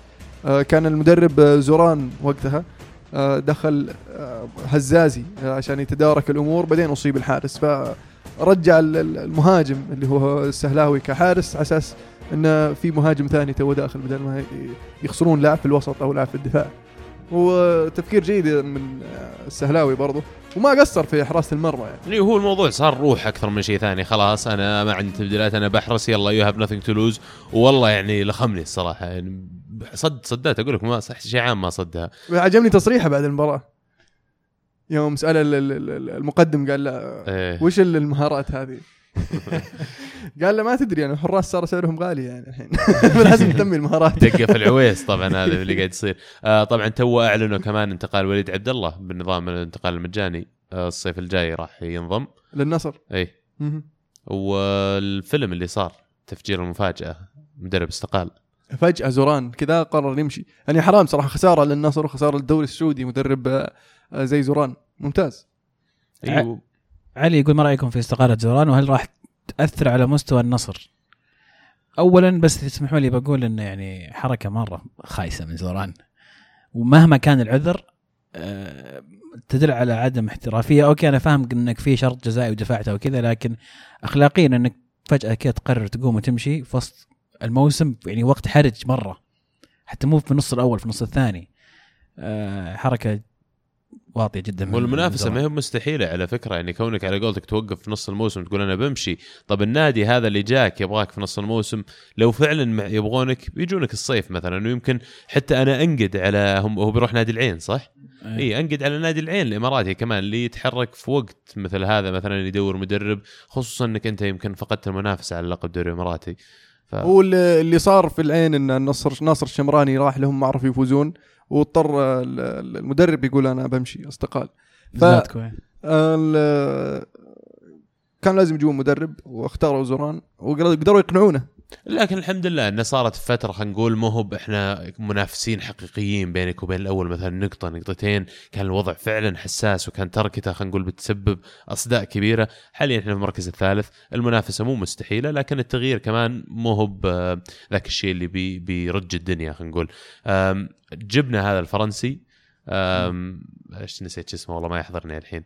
آه، كان لاعب سابق في ليون كان لاعب سابق في سان إتيين آه، ما له تجارب كبيرة في مجال التدريب درب في أفريقيا درب الظاهر منتخب مالي ودرب آه، مازيمبي واحد من الأندية الكبيرة في أفريقيا. إيه. الظاهر انه تنزاني ذا أو كونغو في الكونغو معليش. ما حقق أي شيء كبير معهم لكن أنا دائما أتفائل بالمدربين الأوروبيين.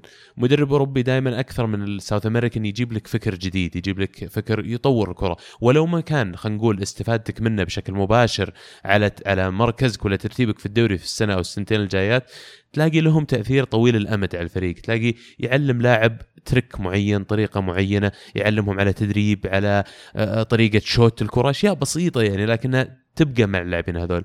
آه، أطلع إيش ممكن يسوي؟ وراح تكون بروفا أتوقع من الحين لنهاية الموسم. آه بس المعلومية النصر في المركز الرابع بعد ما خسروا من القادسية وفاز الاتحاد على الوحدة. أسباب الخسارة طيب المباراة أنا ما أدري يعني ما تكلمنا. يستاهلون الصراحه قادسيه يستاهلون حاقها شيعان حاقها أصلا من قبل الإصابة. قاعد تجيه يعني تسبب في كذا هدف قاعد يطلع طلعات غلط. واحدة من الكور مثلا. مهاجم القادسية نسيت ما يحضرني اسمه بس متقدم قاعد أه، هجمه للقادسية على مرمى النصر مع المدافع. أنت يا حسين شيعان ما يحتاج إنك تطلع من المرمى الحين تضغط على هذا اللاعب اللي اوريدي معاه مدافع. قام لما طلع وضغط عليه في هذه الحالة كانت الحصيلة انه المهاجم سحب المدافع والحارس بسحبة واحدة. بدل ما إنك تسحب المدافع تلقى حارس قدامك لسه ينتظرك لا أنت كذا يعني سويت كشفت المرمى. بالضبط سويت أخطاء يعني ما يسويها حارس كبير آه على ما يبدو أن عادة سديري في الفترة اللي كان فيها في الهلال شيعان آه ف هل ممكن يكون الزوران حاجها على أساس إنه يسهل عملية الخروج؟ يعني آه، سهلاوي حارس والفريدي ما ادري وين وما ادري مين مهاجم ويعني كان في أنا فهمت إنه كان في استهبال إيه. كان آه، السهلاوي حارس وعمر هوساوي مهاجم. إيه إيه. فيقول لك يحيى يروح قدام يلقى عمر هوساوي. إيه. يرجع ورا يلقى سهلاوي حارس فما يدري مين- وين يلعب يعني. شكله قام يصنع العكس. لا لا ما أتوقع إنه حقها على كذا لأن ما تقدر أنت تتحكم بإصابة حارس تقول له والله أوه يا حسين شيعان. لا بشكل عام المباراة كلها كان زوران. برضو ما أتوقع انه حقها يعني كان يمكن- 3 1 ترى قبل وينصاب الحارس؟ إي أنا عارف بس ممكن إنه كان تركيزه منصب أكثر على عرض العين من إنه صرفته من الاستعداد الفعلي لهذه المباراة أو من الاستعداد لها بجدية تامة. يمكن حاول يسوي شيء يعني في خاطره من أول طريقه تكتيك ولا طريقة توزيع اللاعبين في الم- في الملعب. لكن شيء صار وانتهى حطه ورا ظهرنا الآن ننظر للمستقبل ننظر للجاي الجديد ونتمنى إن شاء الله إن المستويات تصير أفضل مع إنها خسارة كبيرة مرة ثانية للنصر. حلو. الأهلي يفوز 3 1 على الشباب. في مباراة كانت ممتعة سريعة حركه فيها فرص. لكن يا أخي الشباب ينقصه ينقص الكثير من الكفاءة. quality ما عندهم quality يعني ينقصهم لعيبة لدرجة إنه حط ال- شو اسمه حسن معاذ جناح يمين. آه، في عندهم مشكلة في خط ال- ال- ال- الوسط.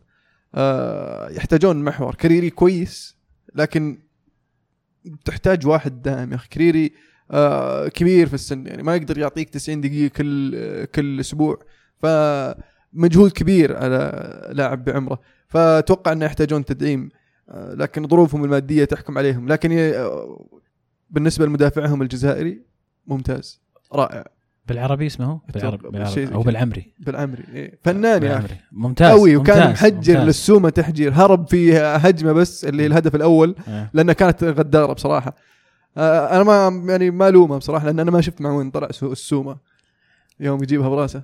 تذكرت الهدف الفاول شفت الفيديو اللي حطيته في تويتر أنت؟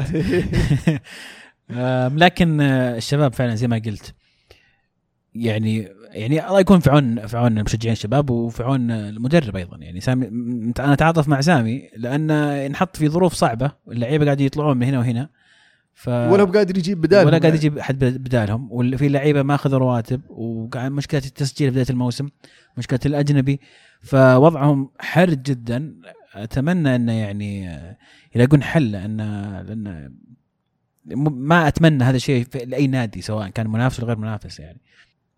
لكن الأهلي رجع على ما يبدو. أهلي آه، شو اسم مدربهم؟ جروس. أهلي جروس الموسم الماضي. بعد ما حاسها ال- ال- ال- جوميز بداية الموسم رجع جروس وشوي شوي شوي رجع الأهلي. الحين أشوف إن الأهلي آه، مرشح قوي منافس قوي على الدوري. أكيد. طبعا الأهلي حامل اللقب ما يحتاج. آه، لا لكن لكن خل عنك. بداية الموسم بداية كان في الموسم. أحواق لما إيه. مع المدرب الجديد ثم إيه. جابوا جروس في البداية لما رجع يرجعهم الحين أشوف الأهلي منافس حقيقي على الدوري. لكن أيضا الشباب ترى ما كان مقياس. بكل بكل أمانة إيه لا لا أنا ما احكي. ما أحكي عن المباراة هذه فقط. المباريات اللي راحت سلسلة الانتصارات اللي قاعد تصير. ال- الأهلي رجع صار صار يعرف يخلص المباراة. حتى لو إنه تأخر يعرف يت- يتدارك نفسه يجيب التعادل والتقدم. ف هو هو السر. السومة كويس الأهلي كويس إذا السومة ما هو في يومه عانى الأهلي. طبيعي يا أخي لاعب بالحجم هذا لاعب.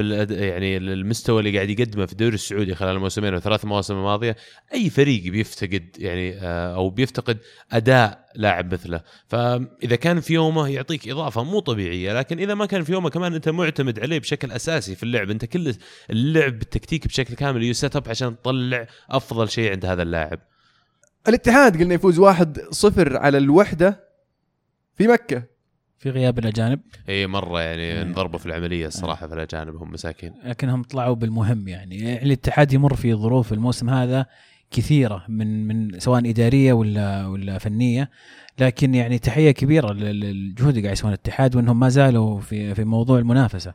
يعني في فرق كثيرة ممكن لو واجهوا اللي واجه الاتحاد يعانون مع المشاكل المالية مع خصم النقاط مع مع اللعيبة اللي راحوا أفريقيا لكن الاتحاد ما زال منافس وأهم شيء زي ما قلنا ثلاث نقاط يعني. ففوز مهم للاتحاد. فعلا. الهلال خارج الديار يفوز 1-0 على الاتفاق. المباراة كانت صعبة جدا بصراحة. الاتفاق قدم أداء كبير. آه الاتفاق لطالما كان صعب خاصة في أرضه. آه. اللي عجبني فيهم يا أخي حماسهم يا أخي كيف قديش قاعدين يقاتلون على الكورة. جتهم فرص كثير. آه لكن ال- ال- الهلال قدر قدر يت- يتماسك نفسه شوي يتماسك ويحافظ على الهدف اللي جاء بدري تقريبا في الدقيقة 30 36 آه جت الهلال فرص. لكن ال الاتفاق بشكل عام كان كان جيد دفاعيا. ومبروك عليكم خربين بعد اللاعب السوري يقولون لعب شوط كامل. كيف إيش رايكم في اللاعب مباراة كاملة. مباراة كاملة فعلا. مو بشوط؟ لا لا مباراة كاملة 90 دقيقة وضيع بلنتي. نعم. كبداية فعلا بداية بداية طيبة من آه، اللاعب عمر آه، وفيه ملامح مبشرة بالخير. آه، لكن لسه بدري إنك تحكم عليه. على طاري يا عمر ايرونز يقول رأيكم في مستوى خريبين في أول مباراة أشوفه جيد وما كنت أتمنى يشوتوا بلنتي.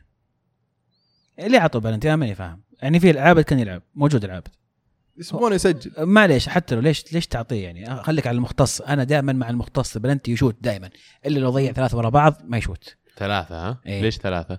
عشان ها خلاص الأولى بالغلط إيه الثانية مشيها لك نتأكد إيه. إيه. okay. لا، okay. ثابتة خلاص إيه لأنه لو وقفت بعد الثانية بتكسب تنهي اللاعب، الثالثة معناته صدق اللاعب زلابة ما يعرفش بلنتي طيب وإذا وقفت بعد ثلاثة ترجع بعدين في المستقبل لل... في إذا إذا غاب ال- الثاني اللي يشوت يعني طبعا هي تعتمد على الحالات لكن أشوف إذا ضيع ثلاثة حتى مو ورا بعض لو ثنتين وسجل الثالثة وضيع الرابعة ممكن أفكر في الموضوع. المهم نرجع للنقطة هذه ليش أول مباراة له؟ مو لازم يشوت. فعلا أتفق معك. بس أتوقع إنه قالوا له على أساس إنه يعني لاعب جديد يبغونه يسجل هدف. إيش رأيك في مستواه في المباراة؟ والله مستوى جيد. يعني حرك. وجسمه كمان إيه. بنية جسمانية يعني مقاربة شوي خلينا نقول للسومو وقوة تسديد ومتحمس. و- متحمس. وفاولات يعني كرات إيه. ثابتة فيعني شيء برضو كويس ليش فولات خلى عندنا بريك يشوت ما يحتاج يشوت بس والله سدد. لك فاول جميل أم، بدر يا عمر بدر ولد خالتك ولد خالك إيه. خالي ولد خالك يقول وش رأيكم صفقة كاليخون الاتفاق أنا أتوقع إن الاتفاق يحسبون إنه وقع مع خوزيه كاليخون ما صدقوا على الله طلع أخوه التوأم أم، أيضا موسيقار زمان يقول رأيكم في التفريط في أفضل حارس في السعودية؟ الصراحة عدم التعاقد مع العويس بيخلي نسبة حصولنا على الدوري أقل إدارة فاشلة. طبعاً من أنتم؟ يتكلم عن الهلال طبعا. على الهلال. إيه، أكيد. آه الهلال فرط في العويس. فعلا حاليا المعيوف قاعد يسوي كويس أحسن من ال- ال- الحراس اللي قبله يعني من وجهة نظري. ما أتفق. آه ما أتفق. مين مين كان أحسن؟ السديري شو اسمه ذاك؟ آه، شراحيلي شرحيلي كان كويس بس هو اللي خرب نفسه إيه إيه إيه. وآخر. كم مباراة ترى كان ما كان كويس. فيعني حاليا الاستمرارية اللي عند آه، صح. المعيوف آه، أشوف أنها ممتازة جيدة آه، مرضيتني بشكل عام آه صح إن العويس صفقة كويسة ودنا إنه يجي للهلال لكن في الأخير هو الخسران يعني وجهة نظر أتفق معك فيها لكن الكثير ممكن يختلف فيها لكن في وجهة نظري أيضا إن الهلال يحتاج حارس أكثر خان يحتاجها الهلال كان حارس. وراح عليكم لاعبين في الفترة الأخيرة يعني استغرب الهلال ما حاول يوقع مع واحد منهم. هذه النقطة أنا أشوف من ان الثاني. وليد عبد الله ولا لا بس؟ وليد عبد الله يا أخي مقلب لحظة أنا- لحظة لحظة بس دقيقة. أفضل من الموجود دقيقة- عندك دقيقة يا لحظة أخي. بس. مقلب يا رجل. عشان بس أخلص النقطة هذه. حامض عنه يدور. ال- الله يوسع صدوركم فيه حافظوا عليه وخلوه عندكم. أما تك عندكم في الدكة خلاص أوكي. اسلم إن الهلال محتاج أهم خانة في الهلال محتاجها حارس اللي ما تقدر تجيب فيها لاعب أجنبي فأنت محتاج لاعب سعودي. وفي رأيي أفضل حارس في السعودية كان متوفر وراح عليك. ولا تقول لي مغالاة ما مغالاة لأن الهلال أعتقد قادر ماديا ينافس أي فريق سعودي من ناحية صفقة. كان المفروض يدخلون بكل ما أوتيتم من قوة عشان تنهون الصفقة هذه. لكن نرجع ونقول اللاعب على ما يبدو أنه غير منضبط. وراعي مشاكل لأنه مو الآن بس من أيام من زمان مع الشباب وهو عنده حركات. فقد يعني قد تكون آه، نعمة وإحنا ما ندري. لكن أما وليد عبد الله لا أنا ما أشوف راح علينا ابدا. ما ما كنت أتمنى وليد عبد الله في هذا أبد أبد. لأن مستواه مؤخرا مو مؤخرا من زمان من قبل الاصابه له فت له فترة طو- يعني فترة ما هي بقصيرة سيء. معليش أنا أتفق معك إن العويس يمكن أفضل بكثير وواضح إنه قاعد يلعب أساسي في ناديه يعني. أم، لكن حاليا الخيارات اللي موجودة عندك أنا ما أشوف إنه بحجم خلينا نقول باقي النادي وبحجم التشكيلة العشر لاعبين اللي عندك قدام الحارس. الحراسه عندكم ديزاستر ما في مأساة حراس يعني. السعودية ما في حراس. معليش أنا ما أشوف إنه في حراس سعوديه أصلا. عشان كذا هو في واحد العويس هذا أحسن حارس. بس أنت عشان الموضوع. كذا أرجع الموضوع إنه يمكن قد يكون حتى وليد عبد الله لو إنه خيار مؤقت أفضل من اللي موجود عندك. ما أشوف أفضل من معيوف زي بعض أشوف زي بعض. وأنا أفضل معيوف على وليد عبد الله بصراحة لأن وليد عبد الله عليه حركات يعني عجيبة عجيبة. وأنت قاعد تشوف المباراة يعني الكرة سهلة واحد زي وليد عبد الله بالطول الفارع والقوة البدنية ما شاء الله أتوقع إنه يقدر يصدها. بس ما يقدر. ليش؟ تسالني ولا تسأل وليد عبد الله لا اسالك أنت والله آه، لو عندي الإجابة كان علمتك بس أتوقع سؤال اعتباري هذا لأنه زلابه آه خلاص. والله هو ذكي إنه اختار ما يجيكم للامانه والعويس بعد أذكر لأنه بيتكي. دكه عندنا مو بلاعب وبعدين لحظة أنت تقول المفروض دخلتوا بكل ما اوتيتم من قوة مثلا. مين قال لك؟ يمكنكم دخلتوا طيب بكل ما اوتيتم من قوة. ليش ال ما ليش الفكرة هذا بقول لك إن, ليش. ان الهلال لو دخل على اللاعب ما راح إيه يختاره بقول لك ليش. قد تكون عرضتوا عليه ورفضكم وراح الاهلي يا أخي. ممكن لكن أنا أعتقد إن الموضوع كان مادي بحت ولو الهلال ما أعتقد في فريق عنده فلوس أكثر من الهلال في السعودية. يقولون. الأهلي الموسم هذا والموسم الماضي يقولون ان الدعم أعضاء الشرف غطى على جميع الأندية الأخرى. ممكن لكن الهلال متأكد انه لو النادي في, في الاجتماع قرر إنهم يجيبون العويس يقدرون يجيبونه. لأن في الاجتماع ما تكلم أصلا العويس. خلاص. كان السلف كان سالفه منتهية. كان ال- ال- الموقع الظاهر مخلص هو. لما يصير عندك لاعب أنت تبغاه وقاعد يستهبل عليك يا أخي إيش تبيه؟ ممكن. اي ممكن. ممكن, ممكن هذا اللي صار. يا أخي إذا أنت ما تبغى تجي الهلال وقاعد تت- تتغلى عليه يا أخي من تغلى شوف. أنا قلت لك ما ما أعرف التفاصيل آه. لكن إذا الصفقة كانت مجرد إنه مين يدفع أكثر والهلال ما يقدر يجيبه فهذه هذه يعني تعتبر فشل في في ناحية ما. أتوقع إنه ما يقدر يجيبه. أتوقع إنه ما يبغى يجيبه. وصل لمرحله الهلال ما يبغون يجيبون إدارة الهلال يعني. إيه هذا أخي لا. تأخذك موضوع عاطفية بعد. اللاعب في الأخير ترى لازم يبحث عن مصلحة نفسه. إذا في نادي بيعرض عليه أكثر طبعا. والموضوع personal ترى. مو لأنك مثلا والله ما يبغى يجي تغلى عني ما أبغاه. لا أعرض أكثر. إذا تبغى أعرض فعلا أكثر من الاهلي ولا خلاص. بس برضو لازم لازم. لازم تصير واقعي برضو يا أخي في العرض حقك. يعني بقدم لك عرض. أنا هذا اللي تقييمي لك أشوف إنك تستاهل. إذا جاء واحد دفع لك أكثر ف okay أنا ما أشوف إنك. إنك تستاهل إني أدفع لك المبلغ هذا. فا okay خلاص رح. ما دام هذا ما عندك مشكلة. المشكلة هو عرض وطلب والندرة في المركز هذا. قلتوها ما في إلا يمكن حارس واحد هو اللي عليه الكلام حاليا في الدوري السعودي كله. فكونك نادر ما في إلا أنت هذا الحالة يعطيك ال value الزيادة. وما دام في نادي مستعد يعرض عليك مبلغ معين اذا هذه قيمتك. وبنتلي.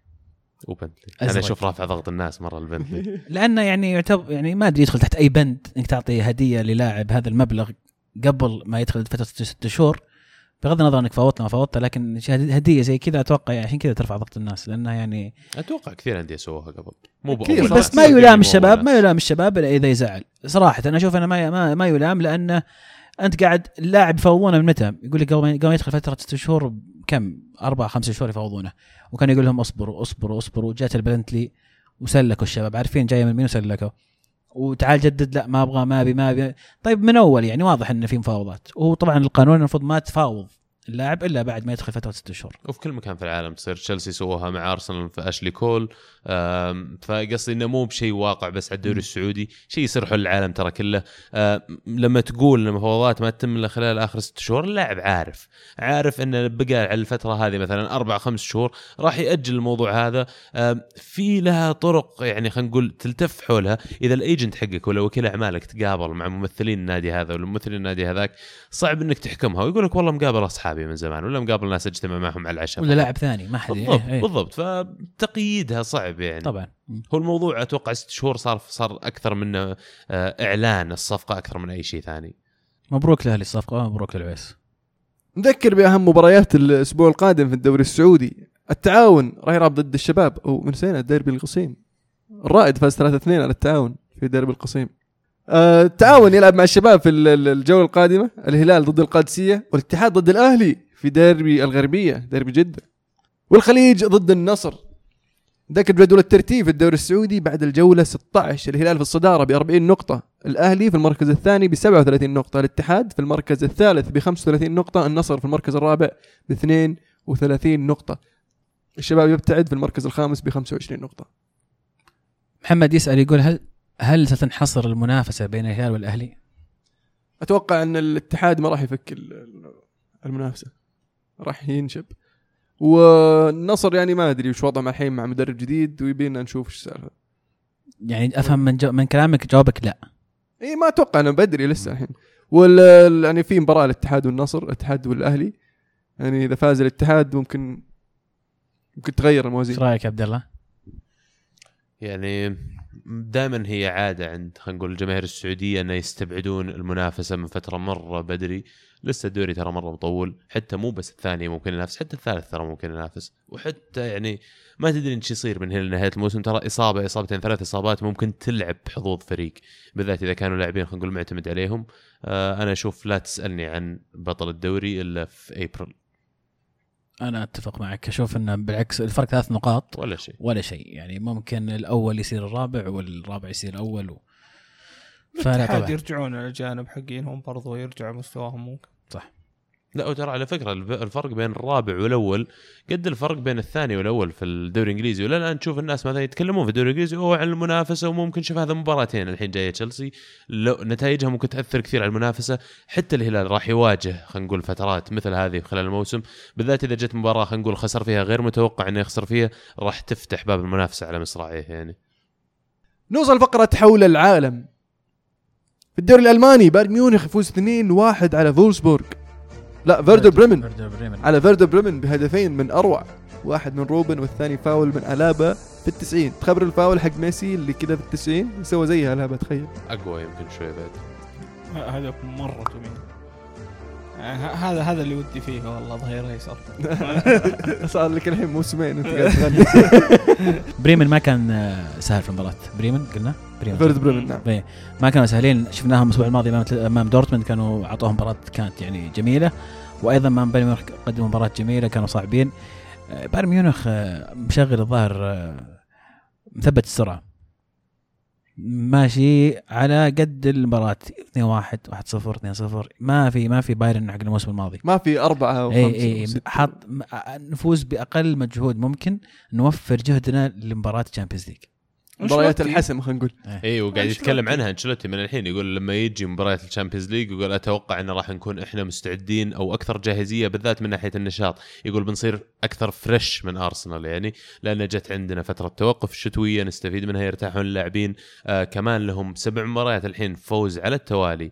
فدفعة معنوية كبيرة تصير الفريق.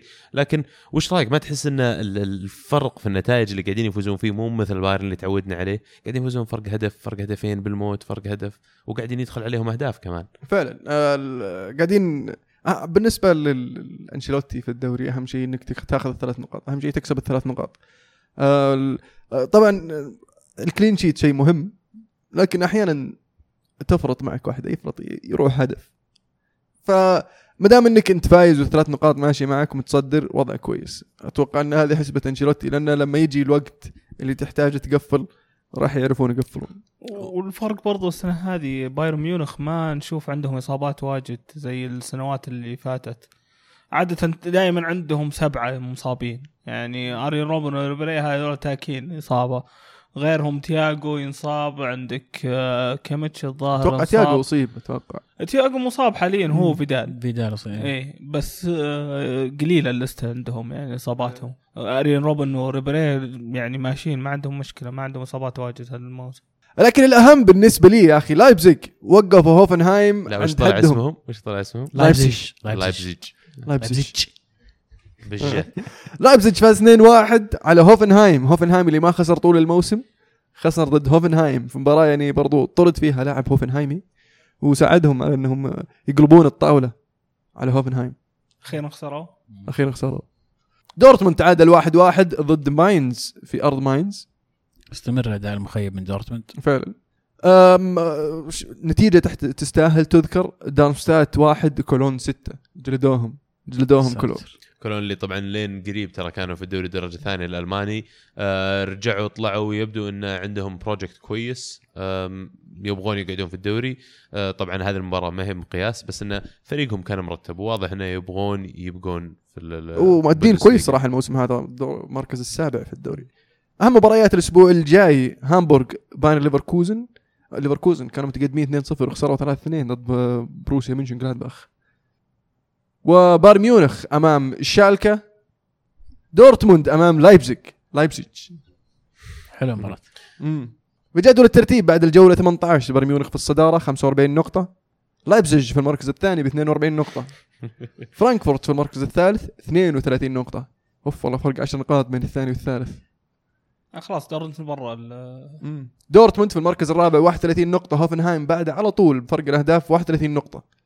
الدوري الفرنسي بي اس جي تعادل واحد واحد ضد موناكو. في مباراة يعني كان بإمكان موناكو إنه يوسع الفارق آه، بينه وبين أحد المنافسين اللي هو بي اس جي ولكنه تأخر وقدر يتدارك الأمور في آخر دقيقة. فشيء كويس بالنسبة برناردو لموناكو. سيلفا اي هو الحين صاروا متعدين في الصدارة مع نيس 49 نقطة اثنين هم فرقهم ثلاث نقاط عن بي إس جي. آه، الدوري الفرنسي من زمان ما شفنا المستوى المنافسة فيه متقارب زي كذا.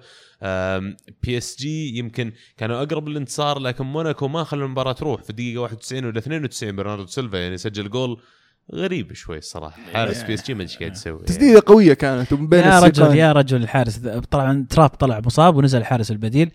وأنا أشوف إنه يعني اللي هو أريولا الظاهر. أريولا اي إيه. ف مشكلة حاطينه في الفيفا أريولا هذا مو بس قوي هو يستقعد هو كان مع هو فري... كويس. كان مع فيريال صح؟ كم في الدوري الإسباني ما أذكر مين كان كان كان كويس اي بس امس أمس. يعني في آخر كم في آخر كم دقيقة يوم قاعد أتفرج عليه كان عنده غلط قبل الهدف بالركني هو سبب الركني طبعا ما أدري كيف كرة طقت فيه وطلعت ركني وبعدين هذه يقول إني ما شفت مغطين عليه المدافعين ما صعب إني يعني أنا أشوف الزاوية حقته لكن بالنسبة لي كان ممكن إنه بانت انه بيحوقها من قبل. يردها المفروض يردها أصلا كان ممكن أفضل. مكان اي لكن آه، تعادل مهم لموناكو لأنهم يتعادلون بالنقاط مع نيس كذا. نيس فعلا تعادل موناكو وفوز نيس. رجع ال- ال- ال- ال- جدول الترتيب زي ما كان الأسبوع ما قبل الماضي.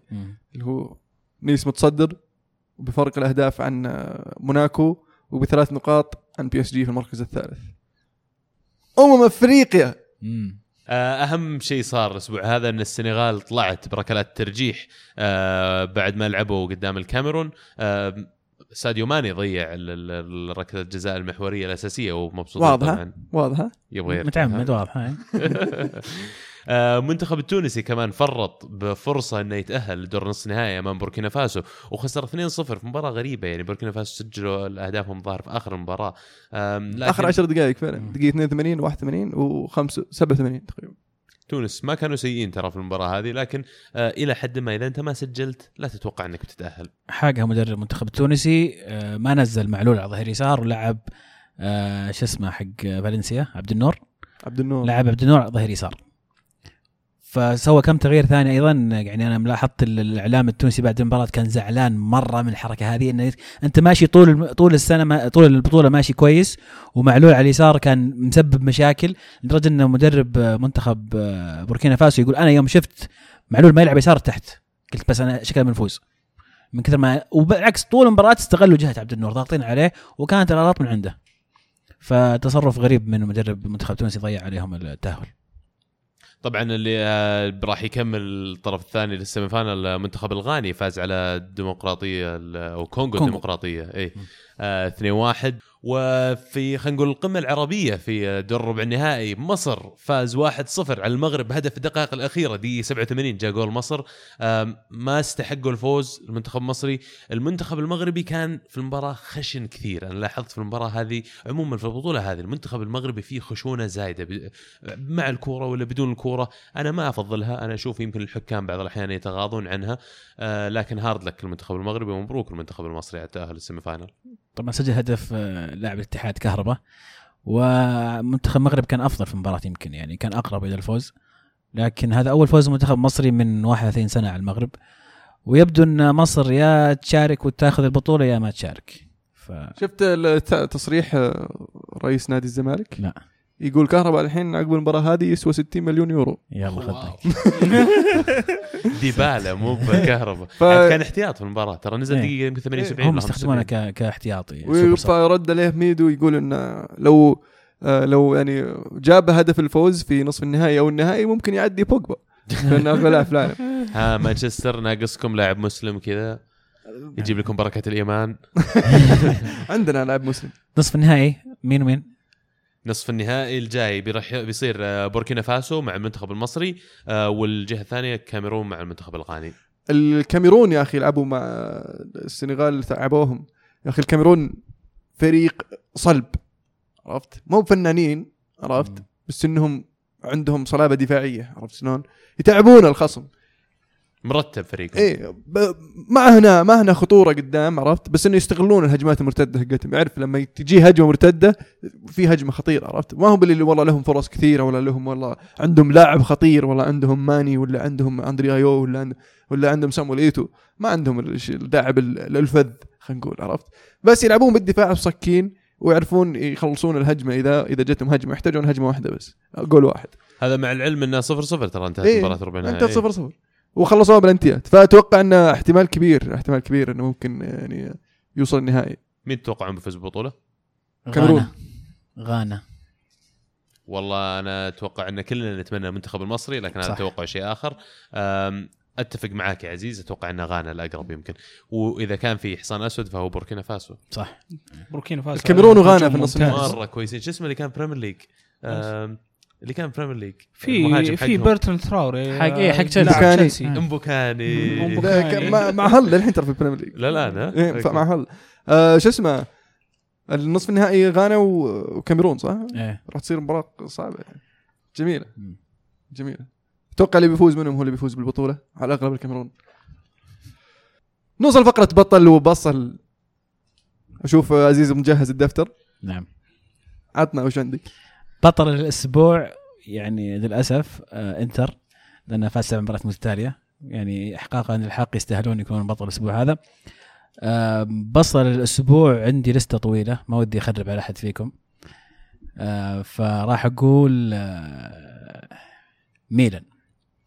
لأنهم يعني لهم فترة قاعدين يجيبون العيد. وعندي إذا تبون زيادة ترى عندي عندي حكم برشلونة عندي زوران عندي منتخب تونس قصدي مدرب منتخب تونس. ففي واحد خلاص خلاص كيف- شوية. آه هدف الأسبوع هدف كونغو على غانا. تسديدة من إمبوكو. سد سد فك واحدة. فعلا تسديدة قوية. مين يبدأ فيكم يا شباب؟ أه بطل الأسبوع أتوقع إني باخذ الكلمة من بؤك يا ألمو بس إنه بنعطي مقدمة بسيطة عنهم بما إننا ما حكينا. أم، الأسبوع هذا في فريق في النون ليج في في النون ليج فوتبول في الدوري الإنجليزي أو في في, إنجلترا. أه، فريق مشارك في تقريبا الدرجة الثامنة أو التاسعة أو حتى العاشرة. تتكلم عن فريق محترف لكن يلعب في دوري هو- هواه أه، قدروا إنهم يتمكنون يحققون إنجاز كبير الأسبوع هذا اللي هو وصل دور 16 في الأفي كاب. بالضبط. يقول لك الثامن فريق نون ليج في التاريخ يوصل دور 16 ثمانية بس في تاريخ الأفي كاب. فإنجاز مو بسيط والفريق هذا اللي قاعدين نتكلم عنه اسمه ساتن ساتن يونايتد موجودين في لندن في منطقة مرة مشهورة يعني اللي يروح هناك يمكن يعرفها. آه، ال- العجيب في الموضوع إن كابتن الفريق كان يتكلم في مقابلة بعد المباراة قالوا له مين تبغى الآن بما إنك وصلت دور ال 16 يعني قال والله أنا ودي يجيني واحد من الفرق الكبيره ودي مانشستر يونايتد ولا أرسنال. احترمت انه على الرغم من وصوله لهذه الفترة لهذه المرحلة يبي فريق كبير يجرب نفسه ضده يا أخي. ف وطبعا اختيارات الفريق إيه بالنسبة الكبيرة. لفريق نون ليج تقول تبي تقول اي لعبت ضد يونايتد؟ يعني اللي شرف اني بس لعبت ضده. بس ما قال تشيلسي يا أخي ليش؟ كيف يا أخي؟ آه، فيستاهلون بطل الأسبوع هذا سوتن آه، بصل الأسبوع هذا راح أختار الزوران مدرب النصر فعلا على الحركة البايخة اللي سواها وطلعته في نص الموسم. آه، وهدف الأسبوع هدف روبن مع بي اس مع بايرن ميونخ. روعة تسديدة يعني نو تشانس الحارس. اللمسة. عمر؟ أنا بالنسبة لي بطل الأسبوع كوستا لاعب وولفز اللي كان قائد الهجوم ضد ليفربول.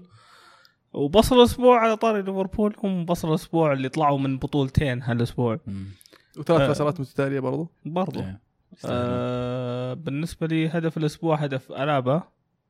آه يعني فاول مش ممكن. في التسعين. لقى أبعد زاوية لقى خلاص. أبعد زاوية ما هذه أبعد واحدة خلاص. أتوقع انه شات. شات الشيطان وهو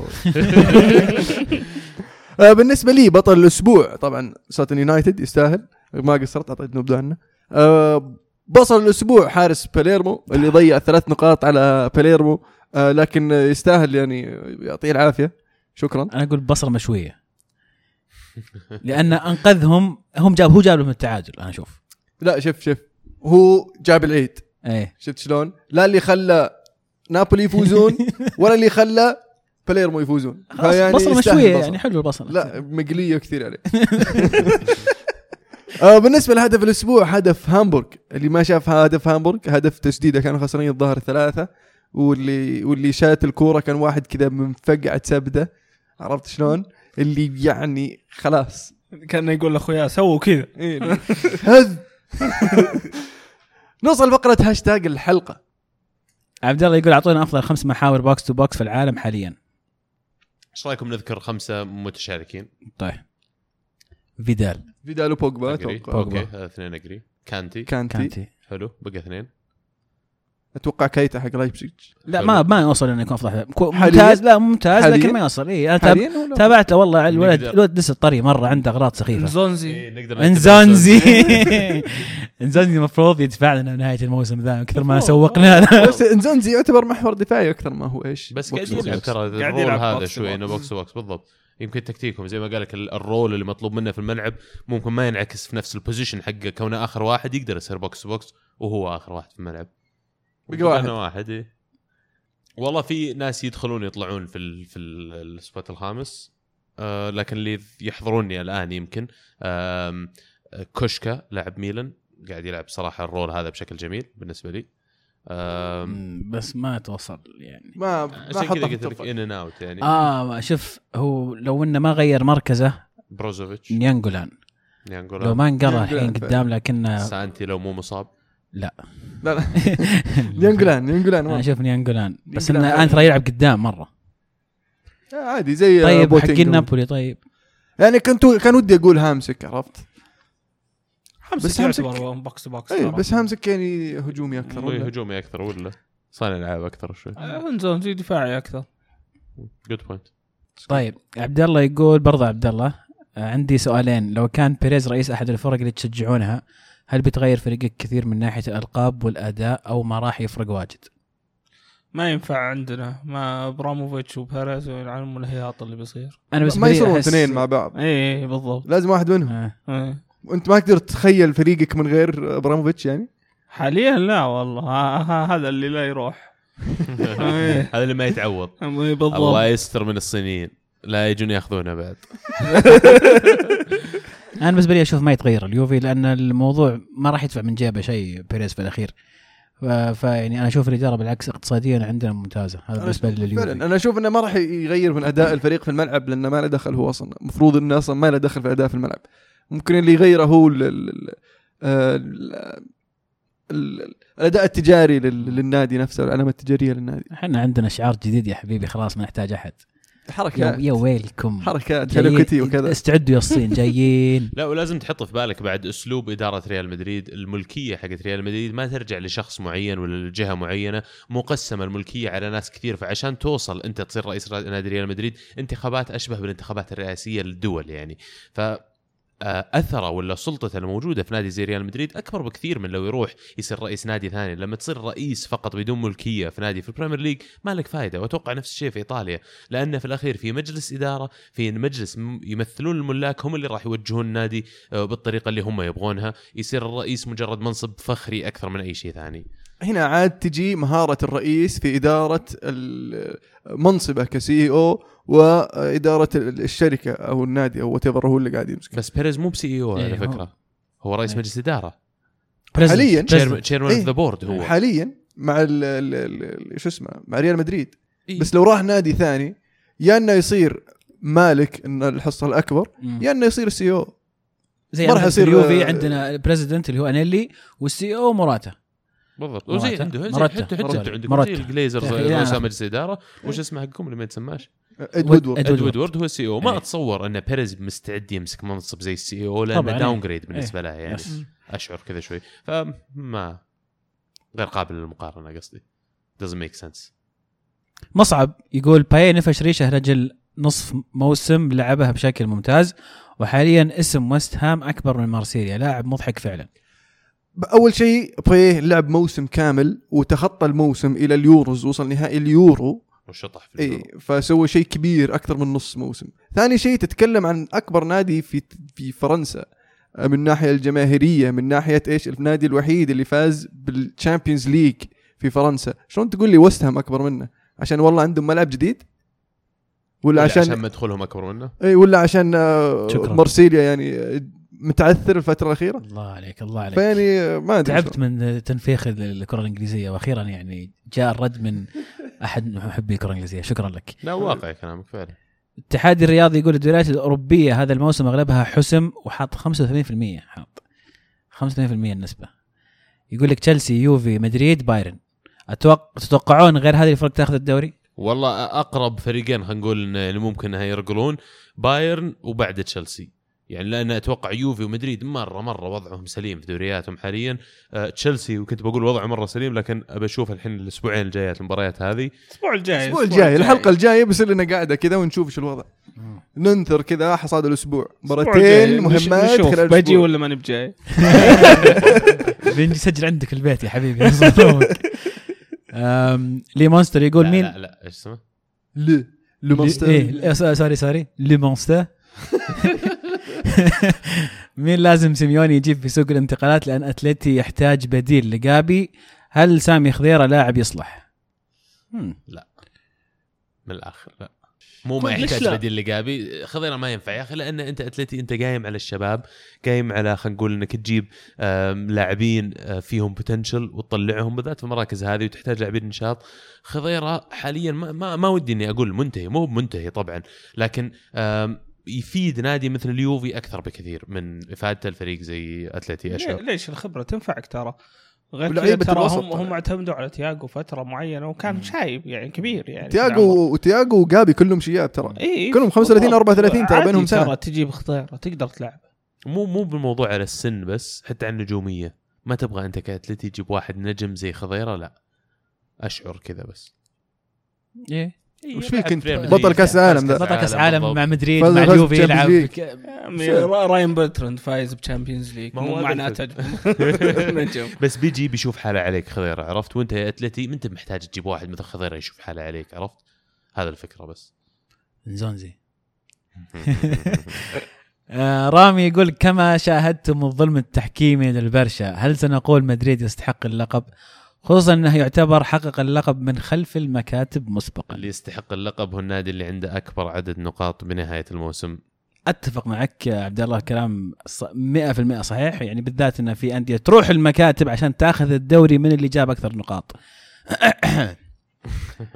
المهم آه ناخذ سؤال أخير من آه سلسة الحربي شوف الأسامي حلوة يا أخي سلسة الحربي سلس سلسة سلس إيه. لسان بعد كذا هل ينهي الليفر الدوري خارج ال top four وهل مان سيتي سيء أم غير محظوظ؟ وشكرا على البرنامج الرائع. شكرا لك- شكراً يا لك. صلصة على المتابعة وكلامك الطيب. ليفر خارج ال top four والله شوف ممكن لكن أشوف انه آه، على الأغلب راح يكونوا في ال top four عبد الله خارج ال top four لأن مانشستر يونايتد خلال الفترة الماضية قاعد يرتفع مستواهم تدريجيا. مان سيتي أتوقع راح تصير غربله قريب في الفريق عندهم قابلية إنهم يطلعون. ليفربول يبدو الحلقة الأضعف في ال top four حاليا. عمر. ما أدري صعبة بس. أه ما ما تقدر تحكم. كلهم يعني داجين مستواهم سيتي وليفربول ويونايتد يعني ها في تحسن. ما أدري. أنا أقول لا. ما أنا أقول. سوف يبقى في, في ال top four نهاية الموسم هذا توقعي ويمكن يكون الرابع بعد. آه السيتي سيء أم غير محظوظ؟ شوي من الاثنين. 100% عيني عليك. يسلم بقك. حبيبي أنا أسلمك.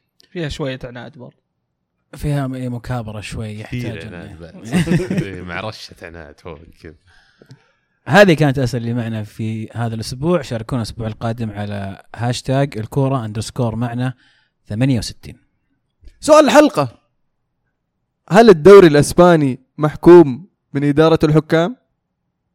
ولا لجنة الحكام هي؟ يعني نظريه نظريه نظرية المؤامرة. هذا رايي في نحط تصويت نعم ولا ونشوف. جولة التوقعات عندك جولة. عزيز الأسبوع القادم؟ جولة توقعات الأسبوع القادم تشيلسي أمام أرسنال اليوفي أمام إنتر في ديربي إيطاليا والاتحاد أمام الأهلي في ديربي جدة. ديربي ده جدة. ديربي دي جدة وديربي دي لندن وديربي دي إيطاليا. بالتوفيق للجميع. ما عجبتك. مرة. في الختام أحب أشكركم أعزائي المستمعين على متابعتكم وأرجو أن تكونوا استمتعتوا معنا اليوم. وأحب أذكركم برضو تتابعونا على تويتر ساوند كلاود آيتونز سناب شات إنستغرام يوتيوب وبرضو يوتيوب برضو. يوتيوب لعيون عزيز. إيه. و... يوتيوب. كم- عبد الله كم يستاهل مرة كم برضو. مرة يوتيوب بعد؟ واحدة زيادة للدبي. الله على الهاتريك. سوبر هاتريك. العاب دوت نت موقع يشمل كل ما هو العاب إذا أنت تحب الفيديو جيمز ادخل الموقع وراح يعجبك على مسؤوليتي. كانت الكورة معنا الكورة معكم. الله